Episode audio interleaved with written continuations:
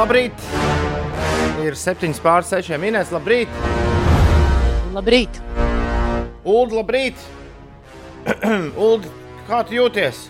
Nu, bet to. Jā, viss skaidrs. Aiziet, ceļamies augšā. Saula ir un perfekta. Saulēkts izcils, raksta Inga. Es jums Instagramā nosūtīju pierādījumus. Un vai jūs vispār varat klausīties klusi? Man šķiet, tas visu kāpņu telpu tūlīt pamodināšu. Nav melojusi Inga. Viņa raksta Instagramā, esmu jūsu radio klausītāja no pirmsākumiem. Parasti komunicēju ar jums caur SMS, bet šorīt ir tik burvīgs saulēkts, ka vēlējos ar jums padalīties. Uh, saulēkta bildes ir sanākušas tik labas, ka Ulim gribot, negribot, būs jāliek iekšā tās uh, viss jūks. Nevarēju uztaisīt vienu sociālo tīklu, lai visiem miers mājās.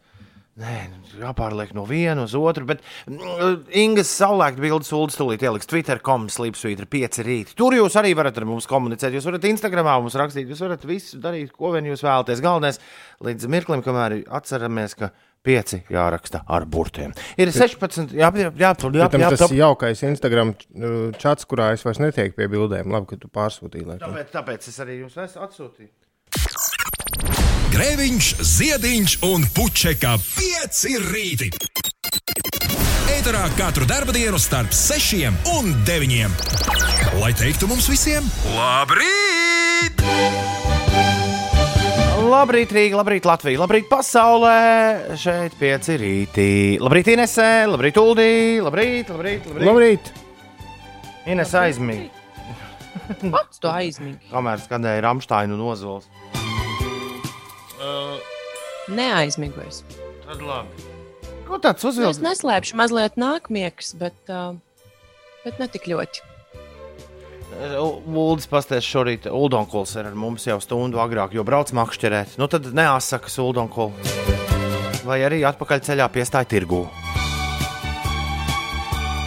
Kristiāns no Bauskas puses ir pieslēdzies, un Aldis vēlas parunāt par kofeīnu daudzumu kafijā. Ir šķirnes zaļās tējas, kur kofeīns ir daudz vairāk nekā kafijā. Noskaidroja pie speciālista. Nu, jā, un ir, ir, ir arī kafijas, kurās ir vairāk, un kafijas, kurās ir mazāk. Lai arī vesela kaudze ļaužu apsmēja man par maisiņu tējām, kuras ir manā dzīvē ieradušās. Un Tāpēc, ka tev, Šogad. tev viņas ir ar visādām tīmijām. Kā tu to zini? Es skatījos vienā dienā, vai ir kāda kā? tikai tēja, tur nē, tur ir citroni, maršma, Kura nē, tēja smaržo pēc uh, makarūniem? Ak, Dievs, nē, nu sākās. maka, uh, citroni, mandarīni, apelsīni. Nu kā? Tas viss ir zaļās tējas ar piegaršām. Blueberry, cranberry, makarūni. Rekur ir liepzieda tēja, vismaz mūsu pašu latviešu ražojumu. Aldi griež, tā nav manējā. Aldi Nu. griež, es tev piekrītu, zaļā tēja griež labāk nekā melnā tēja. Bet melnā tēja atkal ir tāds melnums, kas tevi atgriež atpakaļ ikdienas realitātē. Pat tad, ja realitāte ir nojukusi, un realitāte ļoti daudziem ļaužiem nojuka mm, marta vidū, un katra diena bija, kā, kā Fredis saka, svētdiena. Bet uh, es vakar runāju ar vīru. Pa telefonu gara man tālruņa saruna bija, uh, kurš ir viens no tiem cilvēkiem, kurš pārstāv industriju, kurā viss ir apstājies. Un, nu, nav nekādu, patiesībā nav nekādu baigo saules stariņu. Ir uh, cerība, ka nākamā vasarā var būt kaut kas, kaut kā, bet uh, jā, nu, kā ir, tā ir. Bet uh, pāris svarīgas lietas, kuras es sapratu, uh, ir. Uh, Jā, es uh, šo ieteikumu teicu viņam, un sapratu, ka reiz neesmu publiski to jums ieteicis. Izejiet cauri vecrīgai, visi, visi, visi uztaisiet ekskursiju pa vecrīgu. Jūs kādreiz patika vecrīga, jūs mēdzat balēties vecrīgā, vajag, vajag pastaigāt apkārt. Jūs ieraudzīsiet daudz kā jaunu, daudz kas ir, daudz kas ir beidzies, daudz kas ir beidzies uz visiem laikiem. Šis tas sāk jau parādīties atkal pilnīgi no jauna, un, un, un tas ir tas, ka Tas ir tas, ko pandēmija galvenokārt izdarīs ar pilsētvidi, kurai, kurā mēs dzīvojam. Latvijas galvaspilsētā patiešām viss būs pavisam, pavisam savādāk. Es pieļauju, ka citās Nu, pilsētās, nezinu, vai aiz tiem turistu plūdiem varēs redzēt. uh, kā tad tie tur nonāks. Vakar es gāju, bija diezgan. Vakardien bija pilna vecrīga ar cilvēkiem. Te vakardien nostrādāja, beidzot varēja o, arī meža parkā redzēt. Es ar bērniem gāju staigāties. Vakardien beidzot varēja redzēt uh, Ive, Ivete Sērgļu, jā, kur strādā turisma nozarē, uh, jau pirms pāris mēnešiem pieminēto trešdienu, kad pienāk kuģis. Vakar tas bija jūtams ļoti. Es saprotu, ka trešdienās tiek piegādāts īpašs daudzums no Helsinkiem ļaužu. Un Grēviņa kundze vēl bija saskaitījusi ļoti daudz automašīnas ar Igaunijas numuriem, kur arī bija, bija klāta. Es redzēju veselu baru ar poļu šiem nu, mājām uz riteņiem. Mm. -hmm. Karavā, ne kā tas latviešu sauc, nu, traileriem. Kemperi? Nu, jā, jā, kemperiem Kemperi, tādi, kad pieci brauc. Jā, nu, bet pieci vecās- ģimenes. Labi, bet vecās labās Ines uh, britu vecpuļu un, un, un vecmēģi ballītes tik drīz mums neieraudzīt. Nu, Mums jau īsti nevajag nemaz. Mm. Nu, Vecpuļi pasa... bija tā mazliet atsākušies kaut Tu kad pa- pagājušajā gadā, bet principā jau mēs no viņiem bijām tikuši vaļā. Bet dārgu. Viņi brauc uz visādām vispār prāgām. pirmdien, jā, lai brauc uz visādām prāgām. Pirmdien, kad nāca uz darbu un, un likās, ka kāds to vecrīgu ir nezinu, izdemolējis, puķu podi visi izskatījās tā kā kājām sabradāti, visa zeme, tā līva laukuma iela. Samētāta ar papīriem un miskasti.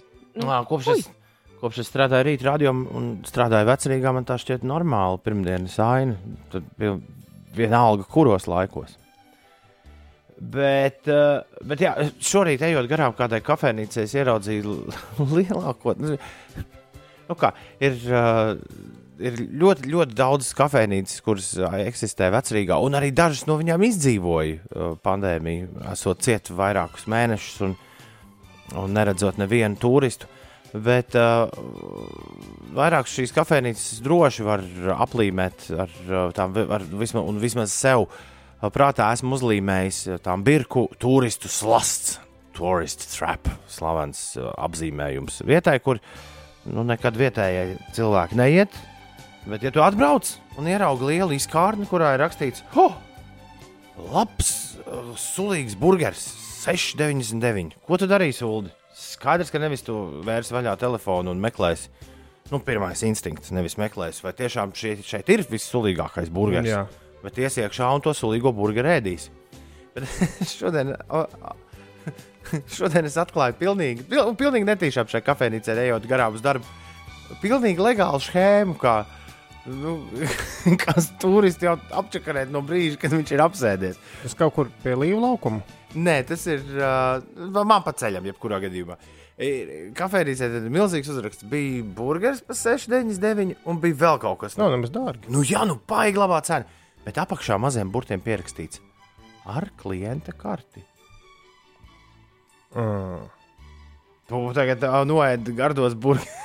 es pilnīgi es redzu ar acīm, kā mēs ar Ulu piesēduši Milānas kafejnīcā, kurā esam ieraudzījuši uzrakstu par gardo burgeru. Ne- 69, jau klāt pierakstīts, kurš ir karte, mi, mi, kuni, kas mums.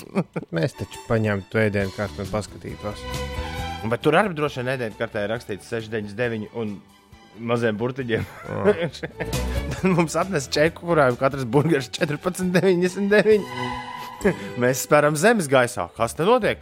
Bet mums paskaidro, si, so, so, sorry, signori, do čili, italiāni, kā izsiku karti. Nu, Nē, Dūlis dusmīgs nomet 30 eiro un mēs ejam uz citu kafejnīcu. Un iespējams, nākamreiz paskatāmies Uldis internetā. maksātu arī par tevi. Nu, kaut kad jau jā, tas jādara. Parasti, ja nu, nu, tajos pāris ceļojumos, kuros mēs esam kopā, ir vienā tikai.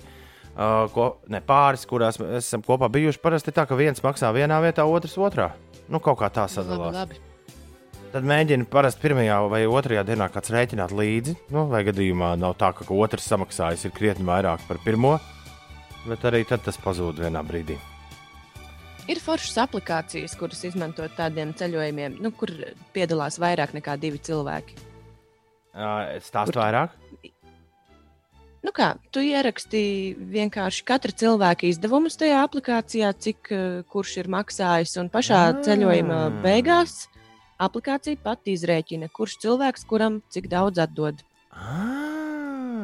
Tā lai būtu beigās visiem vienādi Vien, iztērēts. vienīgi ir vairāk par diviem, un, un, un tie ir bijuši briesmīgi piedzīvojumi manā dzīvē. Nu, tieši ātruma ziņā, kā uh, kustēties, ja, ja ir vairāk kā divi ļaudis, kas ir devušies ceļojumā, tad bieži vien var arī gadīties, ka nevienmēr visur, kur ir maksāts, visi nu, teiksim, četri vai seši ir bijuši klāt. Tad man liekas, tā aplikācija nu, tur viss paliek sarežģītāk. Var, uh, tur var uh, ievadīt uh, pirmkārt, par ko tu esi maksājis, nu, vismaz kādu atslēgas vārdu, vai arī mm, atzīmēt, par cik cilvēkiem tas tā iztērētā nauda ir bijusi.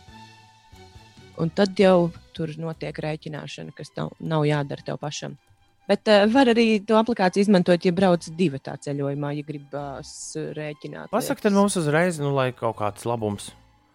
No uh, nosaukuma aplikācija. Jā, kā viņas sauc? Mēs... Es domāju, ka tās ir vairākas, bet tā, ko es izmantoju, tā ir splid. Splid. Jā. Izklausās varēni. Tikai, kad tas ārzemju ceļojums nākamais būs. Split expenses. Ai. To redz, nezinu. Ilza raksta, ka kuģis vakar nepienāca. Katru rītu brauc ar pasažieru ostu, katru rītu romantika tur stāvēja, bet vakar nekā šī beidzot bija prom. Iveta no ērgļiem, kas ir sapriecājusies par Ingas skaistajām bildēm, kuras ir nonākušas Twitterī, pieci rīti. Jūs tos varat redzēt. Viņa raksta, man vēl augt un augt, lai tik skaisti bildētu. Man vienmēr saulēkts bildējis uz ātru roku un tik skaisti nesenāk. Jauku dieniņu jums. Iveta, pastāst mums, tu vienreiz mums rakstīja, ka trešdienā pienāk uh, katru nedēļu tiek piegādāti Helsinku turisti. Vai es to nosapņoju, vai, vai kā tur ir? Jo vakar ļoti daudz pamanīja, ka baigi daudz turistu bija. Un man uzreiz likās, oh, ok. Tā tad uh, Ivets pieminētais kuģis ir ieradies. Uh, rezumē, ko es vēlējos teikt pēc sarunas ar vīru, kurš sēž mājās un katru dienu viņam ir svētdiena joprojām. Un, uh, paldies Dievam, ir, es gribētu ticēt, ka tikai dažas industrijas, kurās joprojām šādi nu, viss, viss notiek, un vēl kādu laiciņu arī notiks. Bet uh, viņš teica, cik tu vari būt laimīgs par to, ka tev katru rītu ir radio.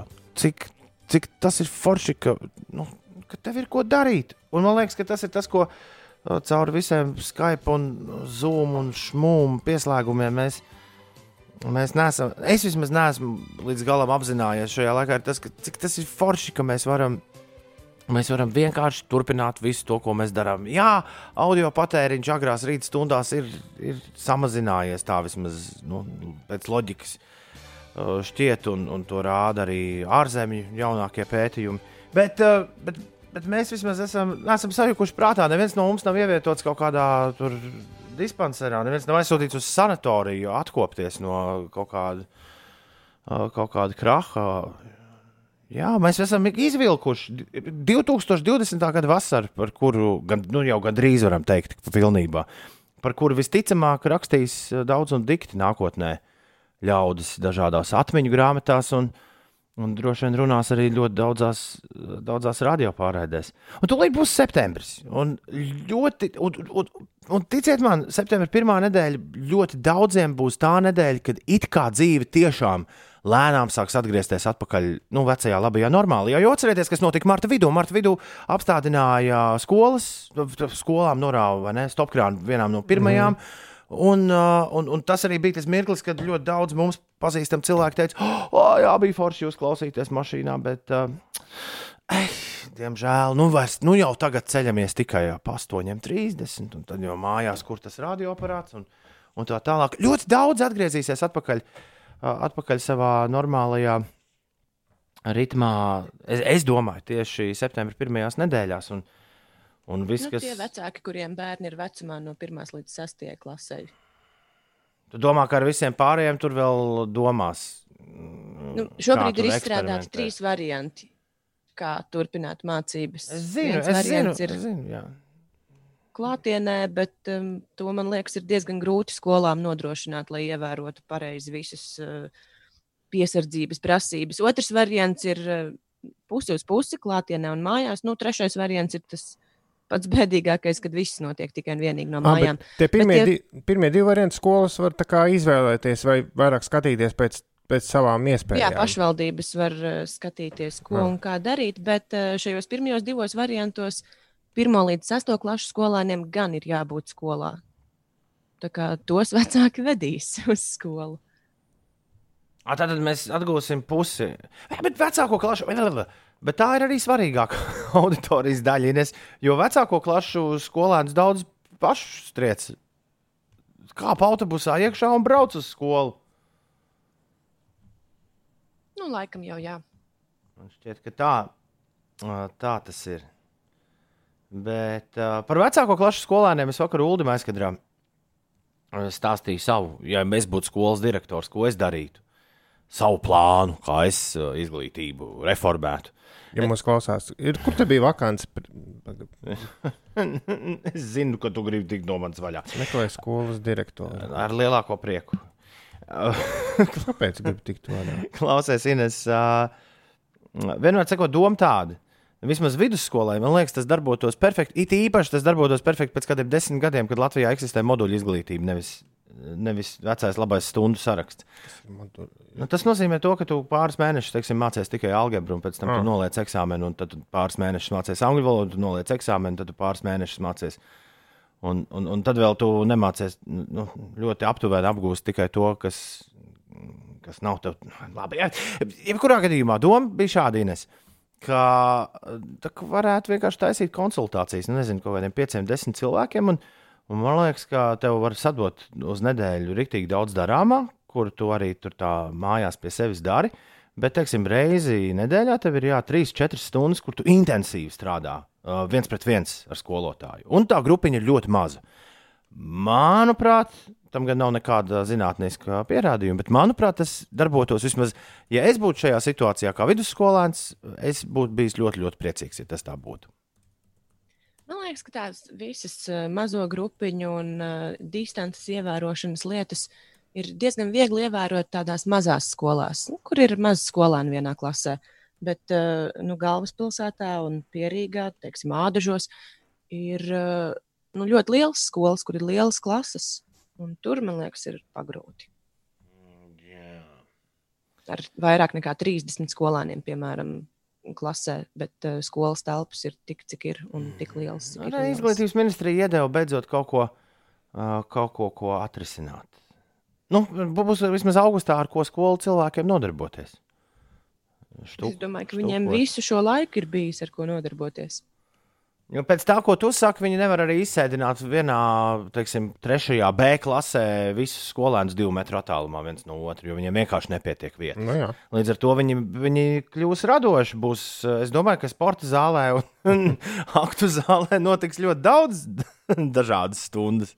Varbūt turpat var apvienot, nu, tā kā vairākas klases kopā. Vietējā kultūras Jā. namā, jā. Jā, jā, viņiem ir uh, rīktīgi daudz. Uh, Viņiem ir rīktīgi daudz par to jāštuko. Uh, Vēlreiz rezumējot, mums ir jābūt priecīgiem par to, ka mē- mums jebkādos apstākļos bija iespēja būt starp sešiem un deviņiem kopā ar, ar, ar saviem ļaudīm radio viļņos.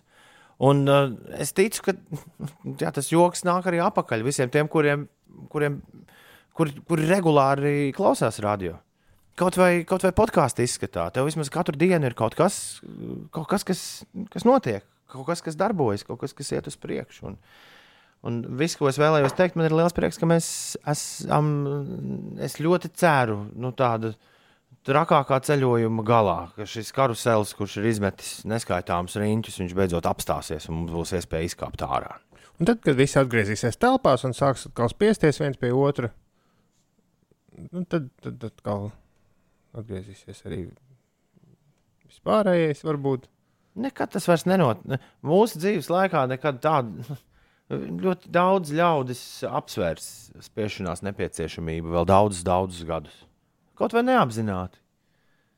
Es lasīju arī rakstu par to, ka ļoti apdraudēti ir masu pasākumi. Jo nekur nav teikts, ka cilvēki uz viņiem pirks biļetes. Nu, Tas ir ārzemēs, jā, bet Latvijā jau nav tāda bīstamība jūtama. Līdz ar to cilvēki jau no pirmās dienas ir izslāpuši. Varbūt daži saprātīgākie, bet, bet mēs redzam, kas notiek visos pasākumos.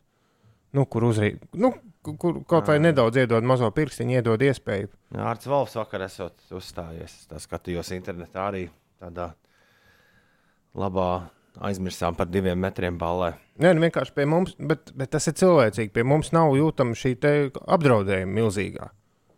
Līdz ar to cilvēka prāts jau nespēja pieņemt to, ka kaut kur tas, kas notiek tur kaut kur tālu, ka tas attiecas arī uz mums. Līdz ar to nu, jābūt kādam, kas arī to visu jauko scenāriju par rudeni arī mazliet pabojā, jo, jo visi ārsti un epidemi- epidemiologi ļoti baidās no rudens atgriešanās. No, dzīvosim, redzēsim. Uh, Iveta apstiprina, ka vakar kuģis ir bijis un viņas viesnīca ir pat pārpildīta. Tad mums ir Ilza uzreiz jānomierina, jo Ilza rakstīja, ka kuģis nav bijis Ilza, laikam, brauc Nu, ta- no rīta, un tas kuģis droši vien nu, vēlāk. Mm, Kuģim ir jābūt šeit, ja nemaldos, ap 10, 11 no rīta. Tā varētu būt. Bet uh, pēc 10. augusta jau būs brīvāka Latvija no viesiem. Iveta ziņo, es tā ceru, jo Somijam uz skolu jāiet. Pareizi, viņiem jau ir tumšs. Labrīt, piecīši. Varbūt kāds no klausītājiem ir saskāries ar novēlotu pases mājiņu, raksta Emīls. Trīs mēnešus pasa beigusies, un šodien beidzot mainīšu, vai ir jārēķinās ar kādu soda naudu. Paldies, jauku dienu!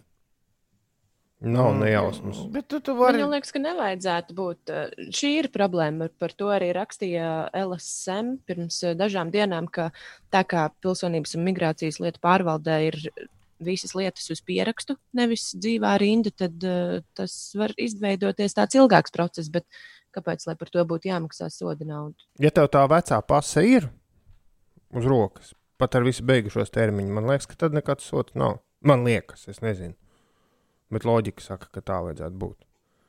Ja pazaudē, tad ir tur jāraksta iesniegums un jāstāsta. Jā, un par dokumentu nozaudēšanu var uzlikt naudas sodu līdz 35 eiro. Redz, atslēga ir tajā var uzlikt. Tad, kad Ah, es- un rekur arī pasē beidzies derīguma termiņš, es 2017. gada uh, Latvijas avīzes rakstu atradu. Var nākties samaksāt 35 eiro soda naudu.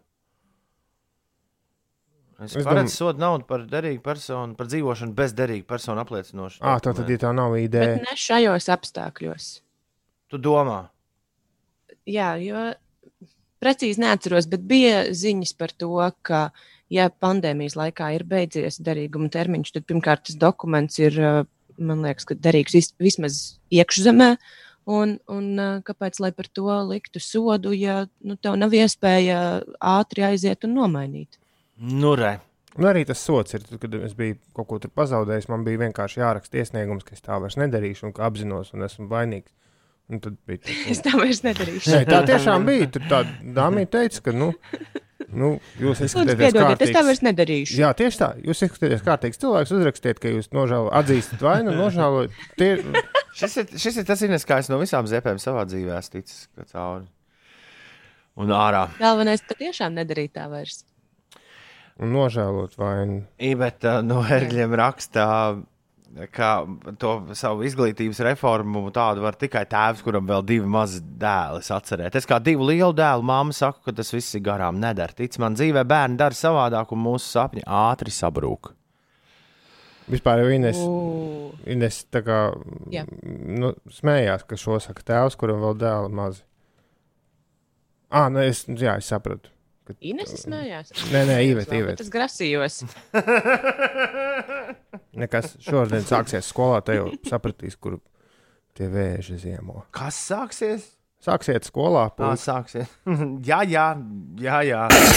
Galvenais iemāc, iemācīt viņam arī to, ka vajag teikt, ka Es tā nekad vairs nedarīšu. jā, jā, un ka nožēlo vainu. Tas ir vislabākais padoms, Bet droši vien, ko tēvs arī vairs dēlam. nekad nedarīt. Kurš tēva nu, ko Nē, nu jā, Tu saproti, ka ir atšķirība arī no vienkārši pasakīšanas un arī darbības. bet, protams, Jā, bet galvenais ir skaidrs, ka ar to tu ieprogrammē dēlus kaut kādu dzīvi. Nu, rēķinies ar to Uz kaut kādu dzīvi. konk ļoti konkrētu. Today very lucky. Congratulations me! Yay! viss cauri. Jūlijas iztek, kā smiltis, jūlijas birsts caur pirkstiem. Ceturtdiena, jūlija noslēgums, priekšpēdējā jūlija diena. Pilnīgi kā kāda ļoti sena raidījuma, kur iespējams pat Ulas vairs neatceras jinglā, bija teikts beigās. Pilnīgi gribas teikt, ai! Uh, jā, šodien lielākoties būs mākoņains laiks, brīžiem lietus, vietām pērkona negaiss un lietus gāzes. Pūtīs dienvidrietumu vējš brāzmās līdz 15-18 metriem sekundē, un maksimālā gaisa temperatūra plus 16, plus 20 grādi. Es joprojām esmu terpies kā vasarnieks, Uldis izskatās kā arī. Jā, Šortos nu, šodien. nenosalu, lai arī rādīja pulkstenis, ka plus 13 ir ārā aiz loga. Bet tas vējš bija tiešām, es tev piekrītu par vakardienas rudens pieminēšanu. Es atvēru mašīnai logus un tā izveidināju, un ienāca tāds 1. septembris iekšā. Es ceru, ka tas aizies prom un atnāks vēl atpakaļ vasarā. Tā vajadzētu būt. Jo tev gal galā atvaļinājums Tieši sāksies pēc divām dienām. Wow! Nu, vakar, vakar izskatījās, ka šodien būs vienkārši drausmīga lietaina, nu, non-stopā. Bet tas lietas ir bijis atkāpies. Uh, un izskatās, ka sākot no 11. no rīta vienkārši smidzinās. Un bišķiņi kaut kas vakar pusē var nu, lielāks uzrasties. Es par galvaspilsētu runāju. Bet uh, savādāk viss normāli. Un rītdien jau sākot no kaut kādiem 11. būs gaiša un forša diena. Un pat līdz plus 20. kam rītā aizkāpšot. Ai! Ui. Ai! Ines, tu vari pastāstīt mums, kas notiek? Var pastāstīt, kas notiek? Nu, jā? pastāstīt. Jo pulkstenis jau ir 6,44. Pirmkārt, vakardien vakarā saņēmu ziņu no izplatņu lēcējiem. Atcerieties, es eh, nedēļas sākumā stāstīju, ka. Lielvārdē sapulcējušies Ja tu 30 piramīdu izplatņu lēcēji. taisīt. Nu, ne gluži piramīda, bet uh, zvaigzne debesīs no 30 uh, cilvēkiem. Diemžēl šoreiz rekordu nav izdevies uh, sasniegt. Pārsvarā traucējot laikapstākļi gan uh, šodien, gan arī rīt. Un, nu, saka, ka tomēr atgriezīsies nākamgad ar tādu optimistisku cerību, ka vēl jau viss ir priekšā un vēl jau viss ir izdarāms. Tas vai Igauniem par- izdevās? Jā, par, par kaimiņiem gan es nezinu. Zinu par mūsējiem. No šodienas līdz 1. augustam pie jūras pilsētā Rojā norisināsies pirms vairākiem gadiem iedibinātais kino, mūzikas un mākslas festivāls Royal. Un par uh, kontinentālās hokeja līnijas komandas Rīgas Dienāmo galvenā trenera Pēters Kudras palīgiem kļuvuši Aleksandrs Nižvijs un Raimons Vilkots. Bet uh, fizika, fiziskās sagatavotības trenera amatā darbu turpinās Raivis Miezāns, tā vēsta klubs. Jūs jau vakardien stāstījāt par emīļu balvām, un uh, jā, šodien arī ziņa ir uh, sasniegusi mūs par to, ka balvu pasniegšanas ceremonija Losandželosā, kurā tiek godināti labākie televīzijas seriāli un to aktieri, vīrusa dēļ notiks virtuāli, Ak, nevis kā ierasts. Mm. Tad Falons vadīs no mājām. Nu, es nezinu, kurš tur. Man liekas, ka Falons vada emīļus. Pidžamā. Tas šaus, tas ir šausmīgi. Nu, ā. Viņiem neļauj pat to, ko mums ļauj. Nu, pie mums vienkārši uz tukšu nacionālo- Kimels trešo reizi. Kimels, jā, es atvainojos. Pie mums trešo reizi aizvest uz teātri, nu vienā pašā teātrī, tukšā filmēt. Bet Amerikā tāpat nedara. Jo bīstami. Ir ā, 6,46. Labrīt. Bēdīgi slaveno mērķu spēli. Ik, ik ceturtdienas gardumiņš. Tikko tas bija. Tā kā piekdienas pīrādziņš. Šodien, šonadēļ laiks skrien baigi ātri uz priekšu, bet tā nav laba ziņa. Jo līdz ar to arī darbi, kas bija šonadēļ jāpadara, ir man vismaz sakrājušies tādā labā kaudzītē. Un tu pamosties un oh, ceturtdiena, bet jā, ir ceturtdiena. Mēs esam ceturtdienā, un tagad man šķiet, ka man ir jāpamet Jā, Inese bija lielā Studija. skatu pirms nedēļas. lielā skatu. Tu biji, Jā. es gribu, vienkārši, lai es noskaņotos, un tu biji uh, pirms divām nedēļām Ceturtdienā Uldis bija krustāvs. krustēvs. Abi ir atminami. Ja viena galva strādā, Neatminējām, mums ko es nestrādā. neesmu drošs, ka strādās. Labi, es uh, tīnu makšķeres. Čau, Inesē! Nu, Uldi. Šādā Man sastāvā, liekas, ka tev šoreiz ļoti gribētos izdomāt, kas būs Toms. šādā sastāvā mēs pirmo reizi.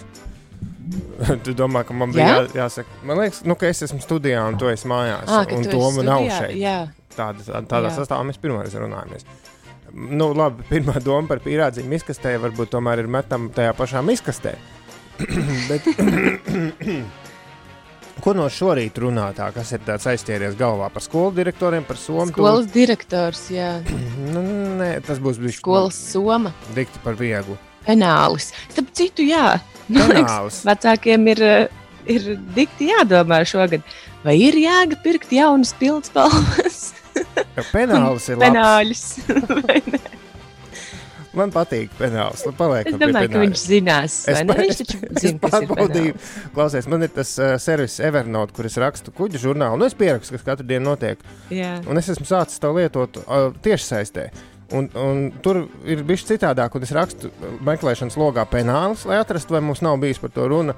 Viņš saka, ka nav, bet did you mean un kaut ko citu, angliski ar šo sakni? tā, es saucu to iekšā, ja? Un Es tā, Jā. pagaidzi paslēpšu savu ekrānu. Nē, mēs bišķi, jā, mēs bišķi aprunājāmies, jo mēs pirmo reizi ar Inesu šādā te kombinācijā runājam. Ok, ok. Nu, tik būs ziepes, es jūtu. Tā. Vai es esmu nagulaks? Nagulaks, nagulaks. Tev jau gribētos, bet nē. Vai es esmu turists Somu, kurš ir ieradies Rīgā? Nē, Vai man ir kāds sakars ar laika apstākļiem? nē, Vai es esmu priekšmets? Jā, Vai es esmu milzīgs priekšmets? nē. Vai es esmu priekšmets, kurš atrodas šeit, radio studijā? uh, Nav man liekas, tur. man liekas, ka nav. Vai man mājās atrodas šis priekšmets? Vajadzētu būt? Tad, tad šis priekšmets atrodas katra ļaužu mājā. Nē, Īsti nē. Bet manā vajadzētu būt. Nu, Nu, vajadzētu. Tad tas varbūt saistīts ir ar jauniem cilvēkiem, ar bērniem. Jā, jā, jā, varētu būt. Vai tā ir kāda rotaļlieta? Nē. Vai tā ir, uh, vai tas ir kāds apģērba gabals, kurā jauni cilvēki tērpjas? Vai ja tas ir priekšmets, vai tas ir uh, kaut kas saistīts ar skolu? jā, Visi? Vai, jā. vai tas ir uh, rakstām galds skolēnam? Vai tas ir penālis? Ir! Jēj! Jūs redzējāt? Kā tev tas izdevās? Minūte un 6 sekundes, tāpēc ka es jau penāli esmu nopircis. Jau uh, sko skolēnam. Minūte un 6 Uh, sekundes. tad man te ir jājautā, es nezinu, Nu vai vēl es, joprojām. atvēru, es jums varu izstāstīt, kā tas notika. Es atvēru savas mājas durvis, es iegāju iekšā, tad es tur jums prasīju visādi jautājumus. Es iegāju bērnu stabā un sāku meklēt. Es piegāju pie, pie galda, nu, kur tiek zīmēts. Un tad nākamais, ko es pacēlu, bija penāls rokās. Jā, bet ir eh, manā laikā, es nezinu, vai tā vēl joprojām ir. Ir divi veidi penāļi. Ir tie cietie, kur tu vari smuki sakārtot aiz tādām gumijām, zīmuļus un pildspalvas. Un ir vienkārši nu, tāds maciņš, kur tu visu samet iekšā. Kurš ir tev? Mums ir tāds milzīgs un ciets, un tur ir ļoti daudz visādi zīmuļi un vēl vis kaut kas. Bet viņi tā smuki sakārtot, ir aizlikties Jā, gumijām. jā, un mēs bijām, es apmēram iedomājos, kāda viņa izskatīsies pēc mēneša, bet uh, paldies Dievam, man jauneklis ir pedants, jā, tā kā varbūt šai ziņā nebūs tēvā atsities.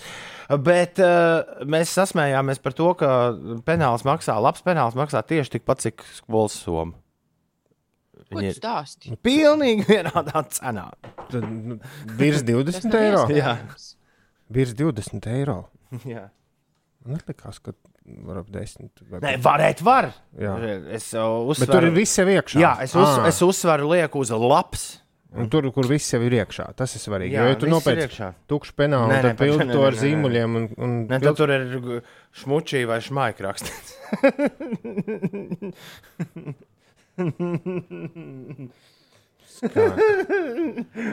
Manam pirmklasniekam būs tikai Toma Forda penāls. Man bija kaut kad pašā, pašā pirmsākumos, man tas bija plastmasas penāls.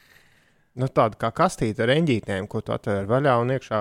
Man arī bija kaut kas tam līdzīgs. Bet, Metāli var tādi ir bijuši. Es neesmu pārliecināts, ka tās ir atmiņas, kurās ir jēga gremdēties. Uz to plasmasu varēja viegli sazīmēt ar zīmuļiem, visu kaut ko. Bet es atceros, kāds tas bija kuku. Es strādāju jaunībā ļoti daudzus gadus uh, skolēnu tirdziņā, kas tika rīkots. Atcerieties, bija tāda pasākuma. Viņi tika rīkoti pirms skolām, uh, tieši nedēļu pirms. Un, uh, Tas bija radio, kur es darīju pirms radio. Es uh, sēdēju, es esmu Muldim šo stāstījis. Es sēdēju Dēls teātrī, pārkarsētā augusta pēdējā nedēļā un, un lasīju sludinājumus par katru par katru nu, to tur uh, tirgotāju. tur bija ļoti daudz lietas, kurām arī nebija nekāda sakara ar skolu. Tur perlamutru poda vāki un, un lieliski dzīve no Sīrijas un, un tā tālāk. Un ik pa laikam šie tirgotāji atnes labojumus saviem tekstiem, tāpēc to nevarēja iepriekš ierakstīt. Un līdz ar to noskanēja dziesmu, un tad tu 5 minūtes vāries. Tur vienkārši tev ir tāda liela sludinājumu, liela sludinājuma mape, un te viņai cauri. Mums šis ir gājis garām arī nesen, man liekas. Aizraujošs darbs, bet nu, par to kaut kādu naudu maksāja. Nu, jā, tāpēc eh, es atceros to drausmīgo, nu, kā gāzi apkārt to skolēnu tirdziņu tajā laikā. Jo tur var nopirkt visu kaut ko. Visu, ko, vi- visu arī to, ko nevajag. Visu var nopirkt tur. Bet, eh, jā, man liekas, ka, nu, vismaz skatoties uz savu ģimeni, tā ļoti saulēcīgi viss notiek. Bez nekādas pirms 1. septembra panikas. Gan jau kā vēl tāda uznāks. Bet tā kā es esmu jau tā tālre- tālredzoši izvēlējies atvaļinājumu tieši pirms iestājas 1. septembris, tad es domāju, ka būs laiks tikt ar visām lietām, ar kurām jātiek galā. Paldies jums par š- ā, visvienkāršāko mērķu spēli, ko es jebkad esmu spēlējis. Tas bija tas tiešām Man liekas, ka tas būs grūtāk. tev, tas uzlabo, uzlabo garu. Jā, un es atceros no savas pirmās klases, pirms pirmās klases atmiņām to, ka tad, kad tev uzrodas mājās penālis un soma un tās lietas, tajā brīdī tavā jaunā cilvēka prātā beidzot atnāk tā apziņa, ka es nevaru teikt, kā es gribētu teikt, jo tad man jālamājas angliski, bet stuff is getting real. Šeit Latvijas Rādio 5, 5 LV. Eh, Ko? Halo? Kas? Nē, nē, es TikTok ieslēdzu. Klavierītis aizspēlējies. Nē, es TikTok ieslēdzu, jo uh, rekurzāna prasa izstāstīt joku par nagulaku. Es jūtos palaidus garām kaut ko svarīgu. Jā, ja tu kādas pāris dienas nebija ar mums, iespējams, ka tieši tā ir arī gadījies. Un, un šis ir joks, kurš vēl droši vien kādu laiku būs jāpaskaidro. Iet pa ceļu, nagu laks, nagu laks, nagu laks. Nu, vienmēr sakot, viena meitene meklēja rokā dziesmu, kur uh, skanot šādi. Iet pa ceļu, nagu laks, nagu laks, nagu laks. Un atsūtīja mums Facebookā ziņu, nu, vai mēs nevaram šādu dziesmu atrast. Dziesmu tam mēs atradām, gan īsto, gan neīsto, bet tā nebija par nagu laku. Bet uh, toties nagu laks uh, gan mūsu, mūsu pasaulē iesakņojās, un es pat uztaisīju remixu ar Singapūras satīnu jaunāko, jaunāko hitu mashup, salikšu šos abus kopā. Iet pa ceļu, nagu laks, nagu laks, nagu laks. Iet pa ceļu, nagu laks, nagu laks, nagu laks. Jāteic, ka Nagulaks nav aizgājis. Divi ļaudis uztaisīja foršus video ar Nagulaka skaņu TikTokā. Bet, uh, Man ļoti patika video. Jā, bet uh, mums ir oriģināls, tad ir mans nagulaka gājiens, ko Ulas filmēja, un tad ir divi vēl video. Bet, kā jau teicu, nevajag uztraukties. TikTokā viss kaut kas var aiziet arī nu, vairāk pēc pāris gadiem. Tas no mums nav atkarīgs. Galvenais, ka nagulaks tur ir, un viņš tur dzīvo, un viņš visu laiku ir kopā ar mums. Un uh, šo interesanto vasaru padara nedaudz jaukāku. Iet pa ceļu, nagu laks, nagu laks, nagu laks. Linda prasa, kādu īstenībā klausītājs vēlējās dziesmu, jeb kāds ir oriģināls dziesmas nosaukums. Nu, saistībā ar iet pa ceļu Nagulaks. Laks, ļoti labi lidoja. Magu laks, Magulaks, M, magu, magulaks. Magulaks, magulaks. Tam nav nekā. Kur no tā var dabūt? Iet pa ceļu, nagulaks, nagulaks. NSRD un uh, Nelaids Hardijs Lediņš vainīgi pie šī. Viņiem ir 81. gadā bijusi lenta, kuru sauca Kāds un Magulaks. Oriģināli Kāds un Magulaks ir skaņu lūga, kas ir baigi gara. Tik gara, ka ir jāpagaida se- 18 minūtes. To varbūt kādreiz kādā naktī. Labi ideja, kāds varētu noziedot naudu par šo labdarības maratonu, dod 5. Mēs kādā naktī to varētu nospēlēt no A līdz Z. Pieļauju, ka tur nav nekas, uh, nekas uh, tīrāms un, un nespēlējams. Ingūns raksta, "Ā, tev ir daudz sakrājušies darbu, ko darīt. Tev taču daudz pasākumu atcēlušies, raksta Ingūns. Jā, paldies, Ingūns. Šo, šo sestdienu tieši kā reiz viens bija vidzemes pusē. Kurš vēl nav? Viņš saka, tev weekends brīvs. Lūk, tad tu vari kaut ko padarīt. Tas tā nestrādā. Ir jāsoci jāsocializējas ar citiem cilvēkiem, bērniem. Visādi prieki jādara. Un kā to ir pamanījis Nauri, nē, tas nebija Nauris, tas bija Oskars. Kā to ir vadījis Oskars, es esmu parakstījies saviem maratonu draugiem par godu noskriet 21 km. Es to varu izdarīt no piekdienas līdz svētdienai. Un visticamāk, ka es to darīšu kaut kādā brīdī svētdien. Bet, ja es iedomājos ar to tempu, kādā es šobrīd skrienu, cik ilgi tas, cik ilgi tas man prasīs, tas man pašu nedaudz atbaida. Nu, šoreiz varbūt ir jādomā nevis par to, cik ātri es to noskriešu, bet nu, ka vispār noskries. Es saprotu, ka tāda ir arī būtība. Nu, Jā, tur viņi gatavojas bet- maratonam, tā ir kaut kādus online Nu, jā, skrējienus. varēs sacensties ar to. Un pārspēt. Tas, tas ir svarīgākais. Man div... Nauris prasīja, kāda man ir pulksteņa laiki. 5 km, man ir 24 minūtēs, 50 minūtēs es esmu noskrējis kādreiz 10 km, un ma- pusmaratona rekords man ir stunda 48. Bet tas bija laikos, kad es skrēju nepareizi. Tagad es mācos skriet pareizi. Man joprojām liekas, ka tu esi tajā video reklāmā, man tā sazvērtības teorija nedod mieru. Ir viena reklāma, kurā nerāda seju skrējējiem. Un es ieraudzīju šo tev, tavu bildi ar nu, šo te aicinājumu piedalīties maratonā. Nu, kur ir tava ģimene, nu, teica, ka es skriešu. Un es skatos uz tām biksēm un domāju, ka tas tomēr man liekas, ka tas bija tu. Bet Toms neatzīstas. Es nedrīkst filmēties nekādās video reklāmās. Labi, labi. Labrīt! Nauris grib pasveicināt Renault vadītāju Montu un pasažieru Montas māmu Andu ar to, ka šodien būs forša diena. Par to šaubu nav. Oskars prasa, ko tu esi mainījis skriešanas paradumos? Es esmu ticis pie Salauzis roku. Salā uz roku un esmu ticis pie privāta trenera, bet mums nebija plāns runāt par skriešanu.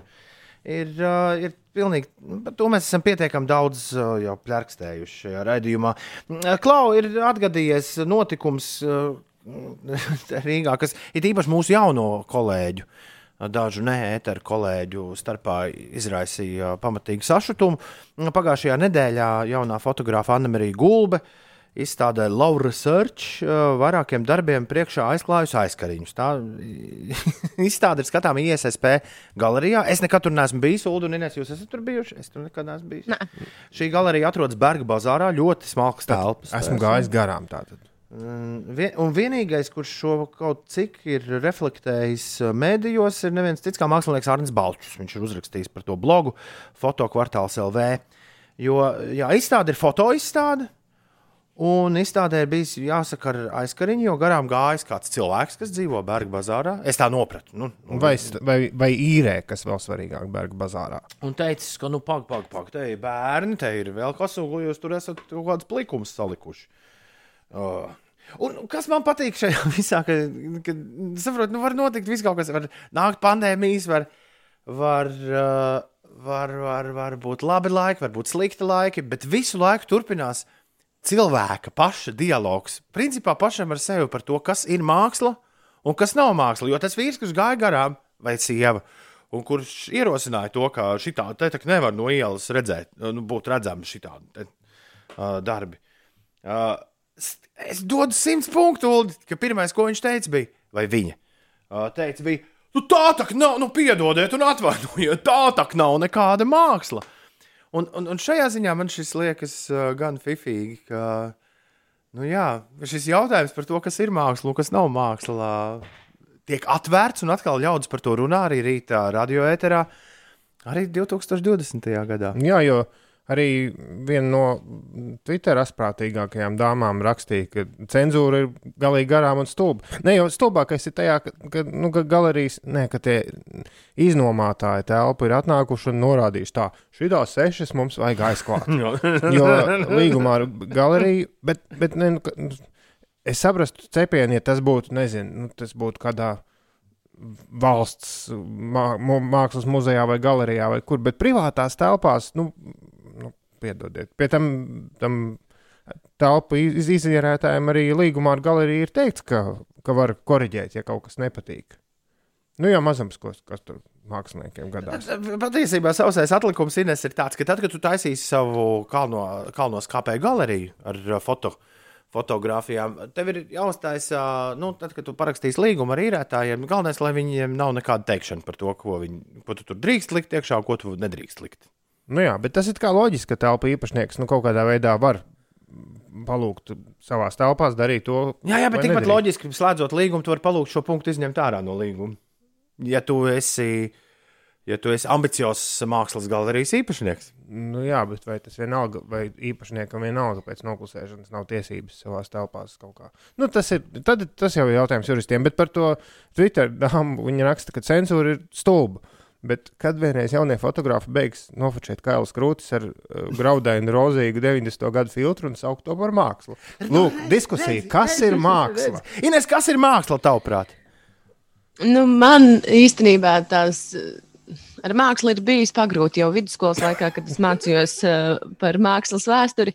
Es arī dadaīstu nolikto pisuāru zāles vidū nevarētu nosaukt par mākslu, jo bija, tāds, eh, bija tāda akcija, ka viņi tā bija izdarījuši un pateikšu, ka tā tagad ir māksla. Bet vai es pareizi? Man-. Ah, jā. Piedod, nu... Ines. Katram cilvēkam jau ir kaut kādi savi standarti, ko viņš uzskata par skaistu un ko viņš uzskata par mākslu. Bet man liekas, ka galvenais mākslas uzdevums ir radīt to diskusiju, ir radīt kaut kādu nu, viļņošanos Jā. sabiedrībā. Vienalga, vai, vai tā ir skaista vai neglīta māksla, bet galvenais ir likt runāt par to. Un ir ļoti muļķīgi, ja kāds nāk un stāsta, ka nē, nē, šī nav māksla. Nu, vai ne? Jo, nu, nu, principā jau māksla var būt jebkas. Es atļaušos pielikt punktu šim. Nē, man bija vēl Jā, tas sakāms. tā- tas ir pasakot līdz galam, un es Jā. atļaušos pielikt punktu. Jā, ja ir, ir stulbi nu, stāst, nākt un stāstīt, ziniet, nu, tā jau nav nekāda māksla. Nu, nu, tas ir tāds vecišķi, un, un tas tiešām velk uz kaut kādu cenzūru. tā. Bet man tikpat ļoti savukārt nepatīk, ka no otras puses kāds nāk un stāsta, ka šī ir māksla. Nu, tas ir tikpat nepareizi. Katram taču pašam ir kaut kā tā izpratne jāveido. Uh, Labi. Es, es atļaušos pielikt punktu Uldi un apgalvot, ka konkrētajā foto izstādē izstādītās bildes ir māksla divu iemeslu dēļ. Jo, manuprāt, mākslā ir jādara, jāizdara divas lietas. Tajā brīdī, kad tu uz to skaties, tam, ko tu redzi, ir kaut kādā veidā ar tevi jārezonē. Un otrkārt, tā ir jāizraisa diskusija. Un abos šajos gadījumos cilvēks, tas onkulis, kas gāja garām ar sunu un ieraudzīja, ārprāts, kas tas tāds ir? Gan šis, ko viņš ieraudzīja, ar viņu rezonēja, gan arī pēc tam tas izraisīja diskusiju. Līdz ar to tā ir māksla. Jā, un Punkts. tagad ejam visi skatīties uz likumiem. Pagaid, tad varēs iet skatīties. Nē, tur Tu- tas aizskarīts tu- tu jāpavēr. var pavērt, jā. Tev jāiet un pašam, te, te, jo tā jau ir kļuvusi no vizuālās mākslas, jau par performanci. Jo katrs skatītājs nāk un paver aizskariņu. Varani, varani. Vietām Latvijā zemnieki vēl turpina vākt vasaras rapsi, arī eh, kukurūzu, kuras laža, raža ir laba, līdz ar to lobarības ziemā pietikšot. Labrīt, ir 15 pār 7, ir 4. 30. jūlijas skan Latvijas radio 5, 5 LV. Šis ir raidījums 5 rīt, es esmu Toms Grēviņš, Rekurūdas Ziediņš. Ines Pučeka arī kopā ar mums, ja tu vēlies mums ko teikt, atrakstīs ziņu uz 293, 202, 293, 202. Šodien Valteram, Laurim, Renāram Kauperam un Regnāram Vaivaram ir visiem vārdienas. Valters, Renārs un Regnārs ir iekšā kalendāros. Arnoldam Švarcnegeram, amerikāņu bodybuilderim, aktierim, politiķim, 38. Kalifornijas gubernatoram ir dzimšanas diena. Happy birthday, Anne! Amerikāņu aktrisei un producentei Hilarijai Svankai sveiciens dzimšanas dienā. Tomam Grīnam, kanādiešu komiķim un aktierim, ir dzimšanas diena. Atgādini, kas bija Toms Grīns. Viņam bija raidījums Tom Green show, ko es neesmu skatījies, bet visi saka, ka vajag. Līza Kudrova ir no draugiem. Jā, Tā tur Fēbe. Jā, Fē- Fēbei dzimšanas diena. Kristoferam Nolanam, kurš taisa kuku filmas un Batmanus, ir dzimšanas diena. Tā Keita Buša. Keita Buša. Keita Buša. Jā, viņa ir. Oh, Wuthering, Wuthering, Wuthering Heights. Tūlīt Uldis man ņems no 80. gadu The Best of disku, kuras gribu ielādēt.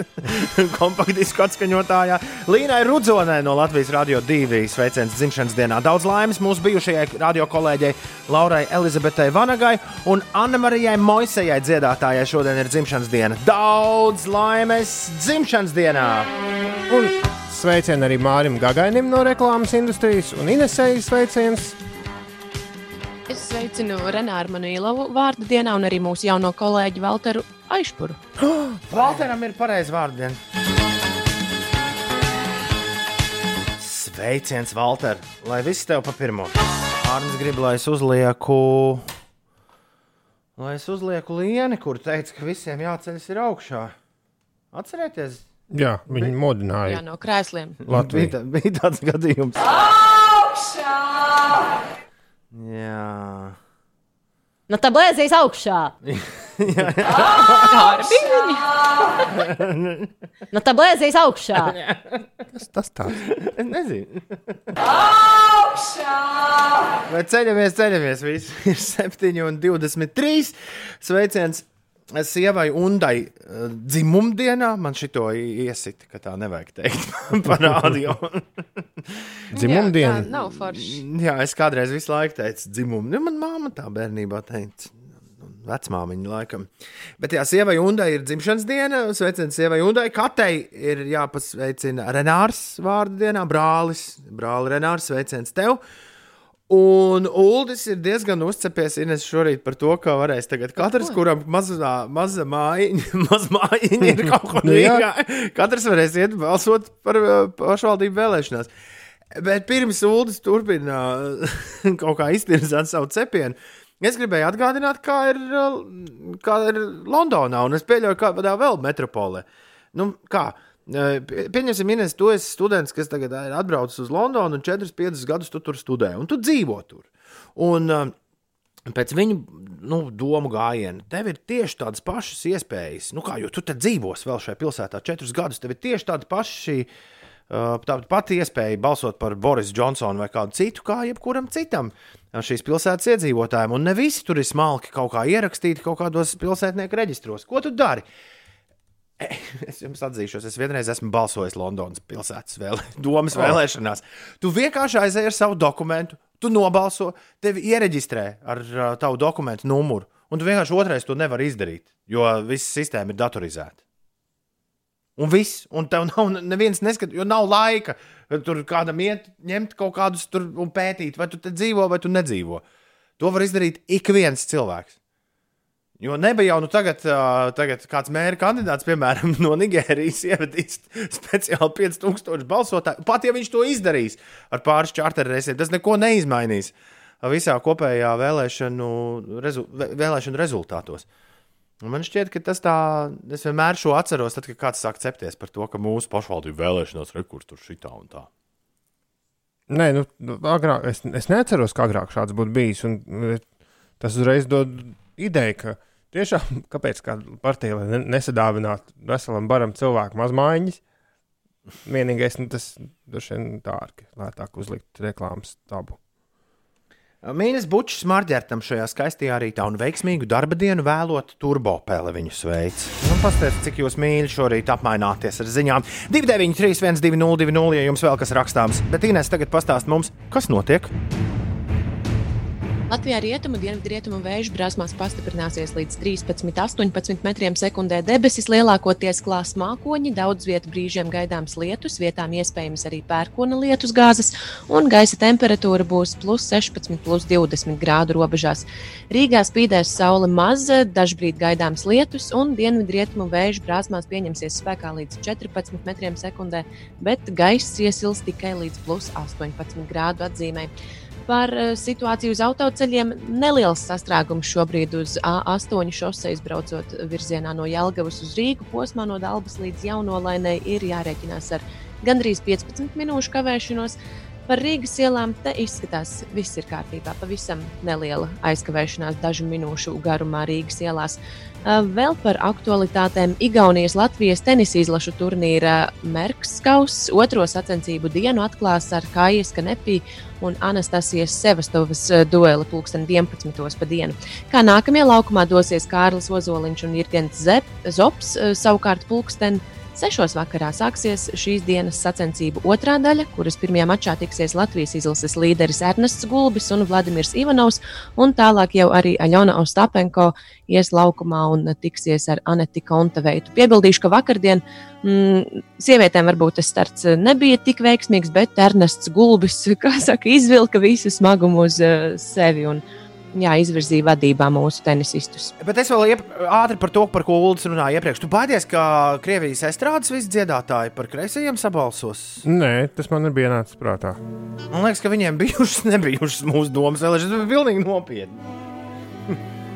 nu, tagad Dima bilants iesbalsos. Nē, man tas vienkārši liekas ļoti interesanti. Ka tu vari nopirkt mazmājiņu un balsot. Nā, tā kā ir viņam mazmāja. 7,28 ir 4. 30. jūlijas 2020. gads, un šajā brīdī sākas lielā sasaukšanās. Tas nozīmē, ka tu ņem rokā tālruni un uz 293, 202, atraksti, kā tev šorīt iet, kāds garstāvoklis, ko darīs brīvdienās, kas uz brokastu šķīvja un gal galā uz kurieni tu dodies. Labrīt! Good morning. We've talked the whole night through. Good morning. Good morning to you. Good morning. Good morning. It's great to stay up late. Good morning. Good morning to you. When the band began to play, the stars were shining bright. Now the milkman's on his way. It's too late to say good night. So good morning, good morning. Sunbeams will soon smile through. Good morning, good morning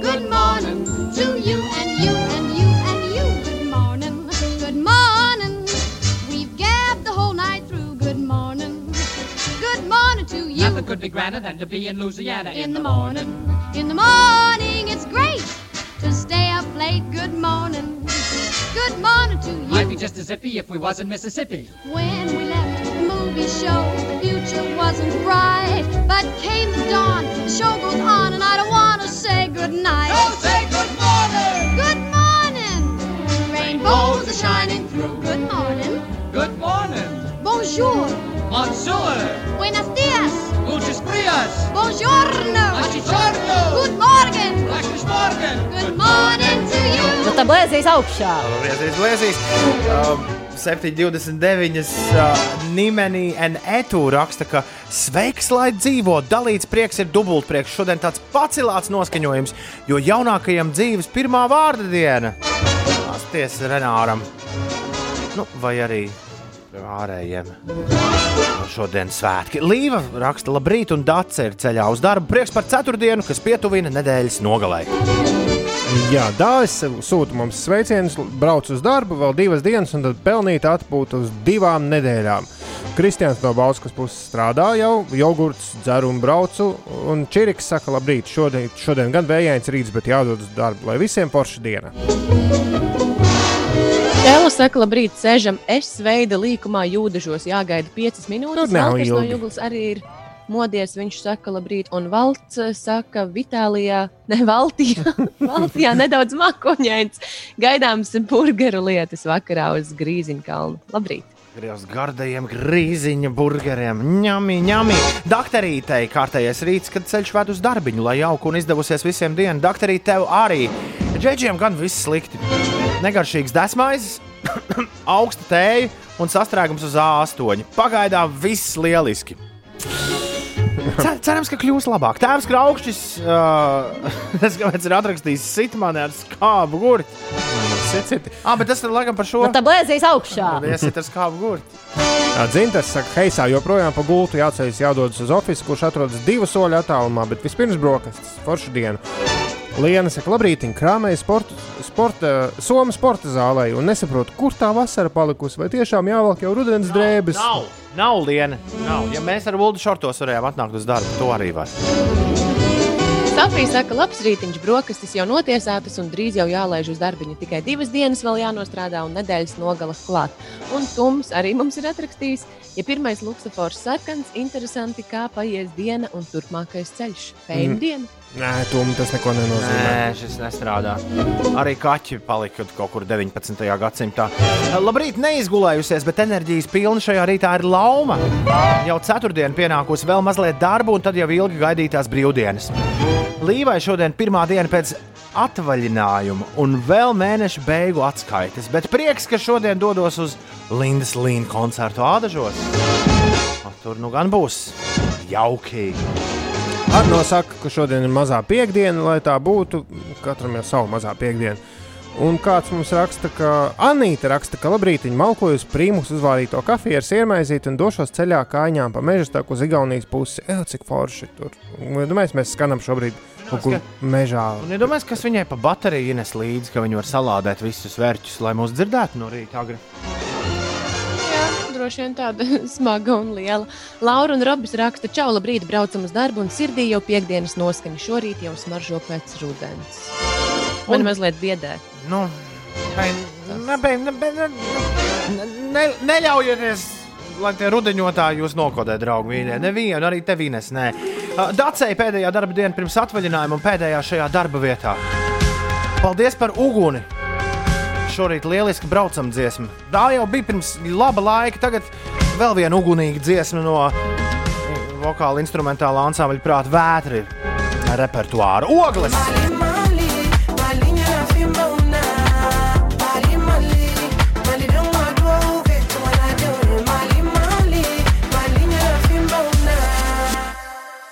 Priekš kam ceļot, Ines?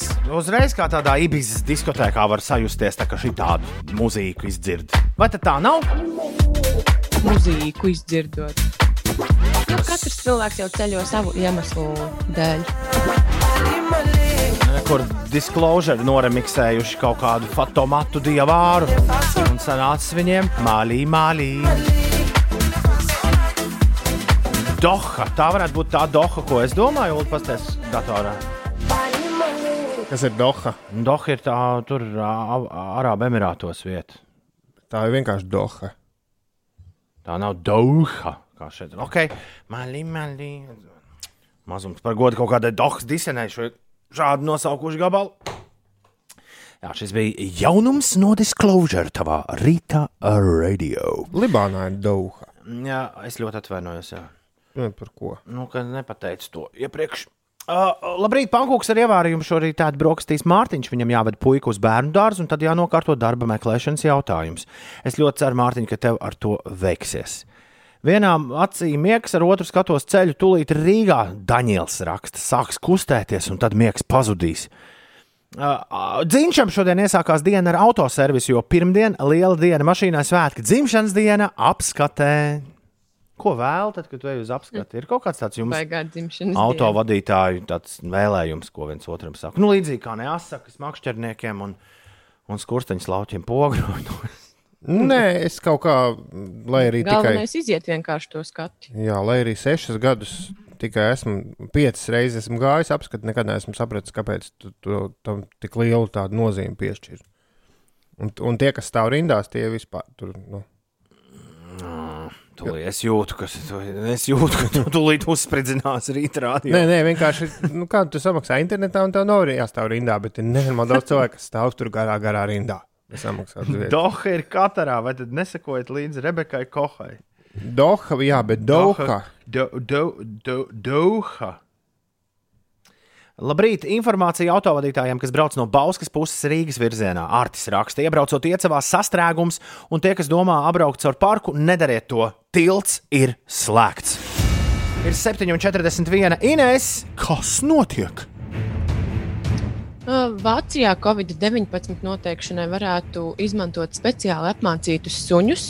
Ja Speciālisti ir noskaidrojuši, ka šie dzīvnieki spēj atšķirt inficētus cilvēkus no veseliem. Mm, tas varētu būt uh, interesanti. Jau- Šodien no kosmodroma uh, Kanaverelas uh, zemes ragā, Floridā, ceļā uz Marsu startēs Amerikas Savienoto Valstu pašgājēju robots. Vēl viens. Paredzēts, ka tas, ne, tas ir tas pats, ah, okay. ko es jums eh, stāstīju nedēļas sākumā.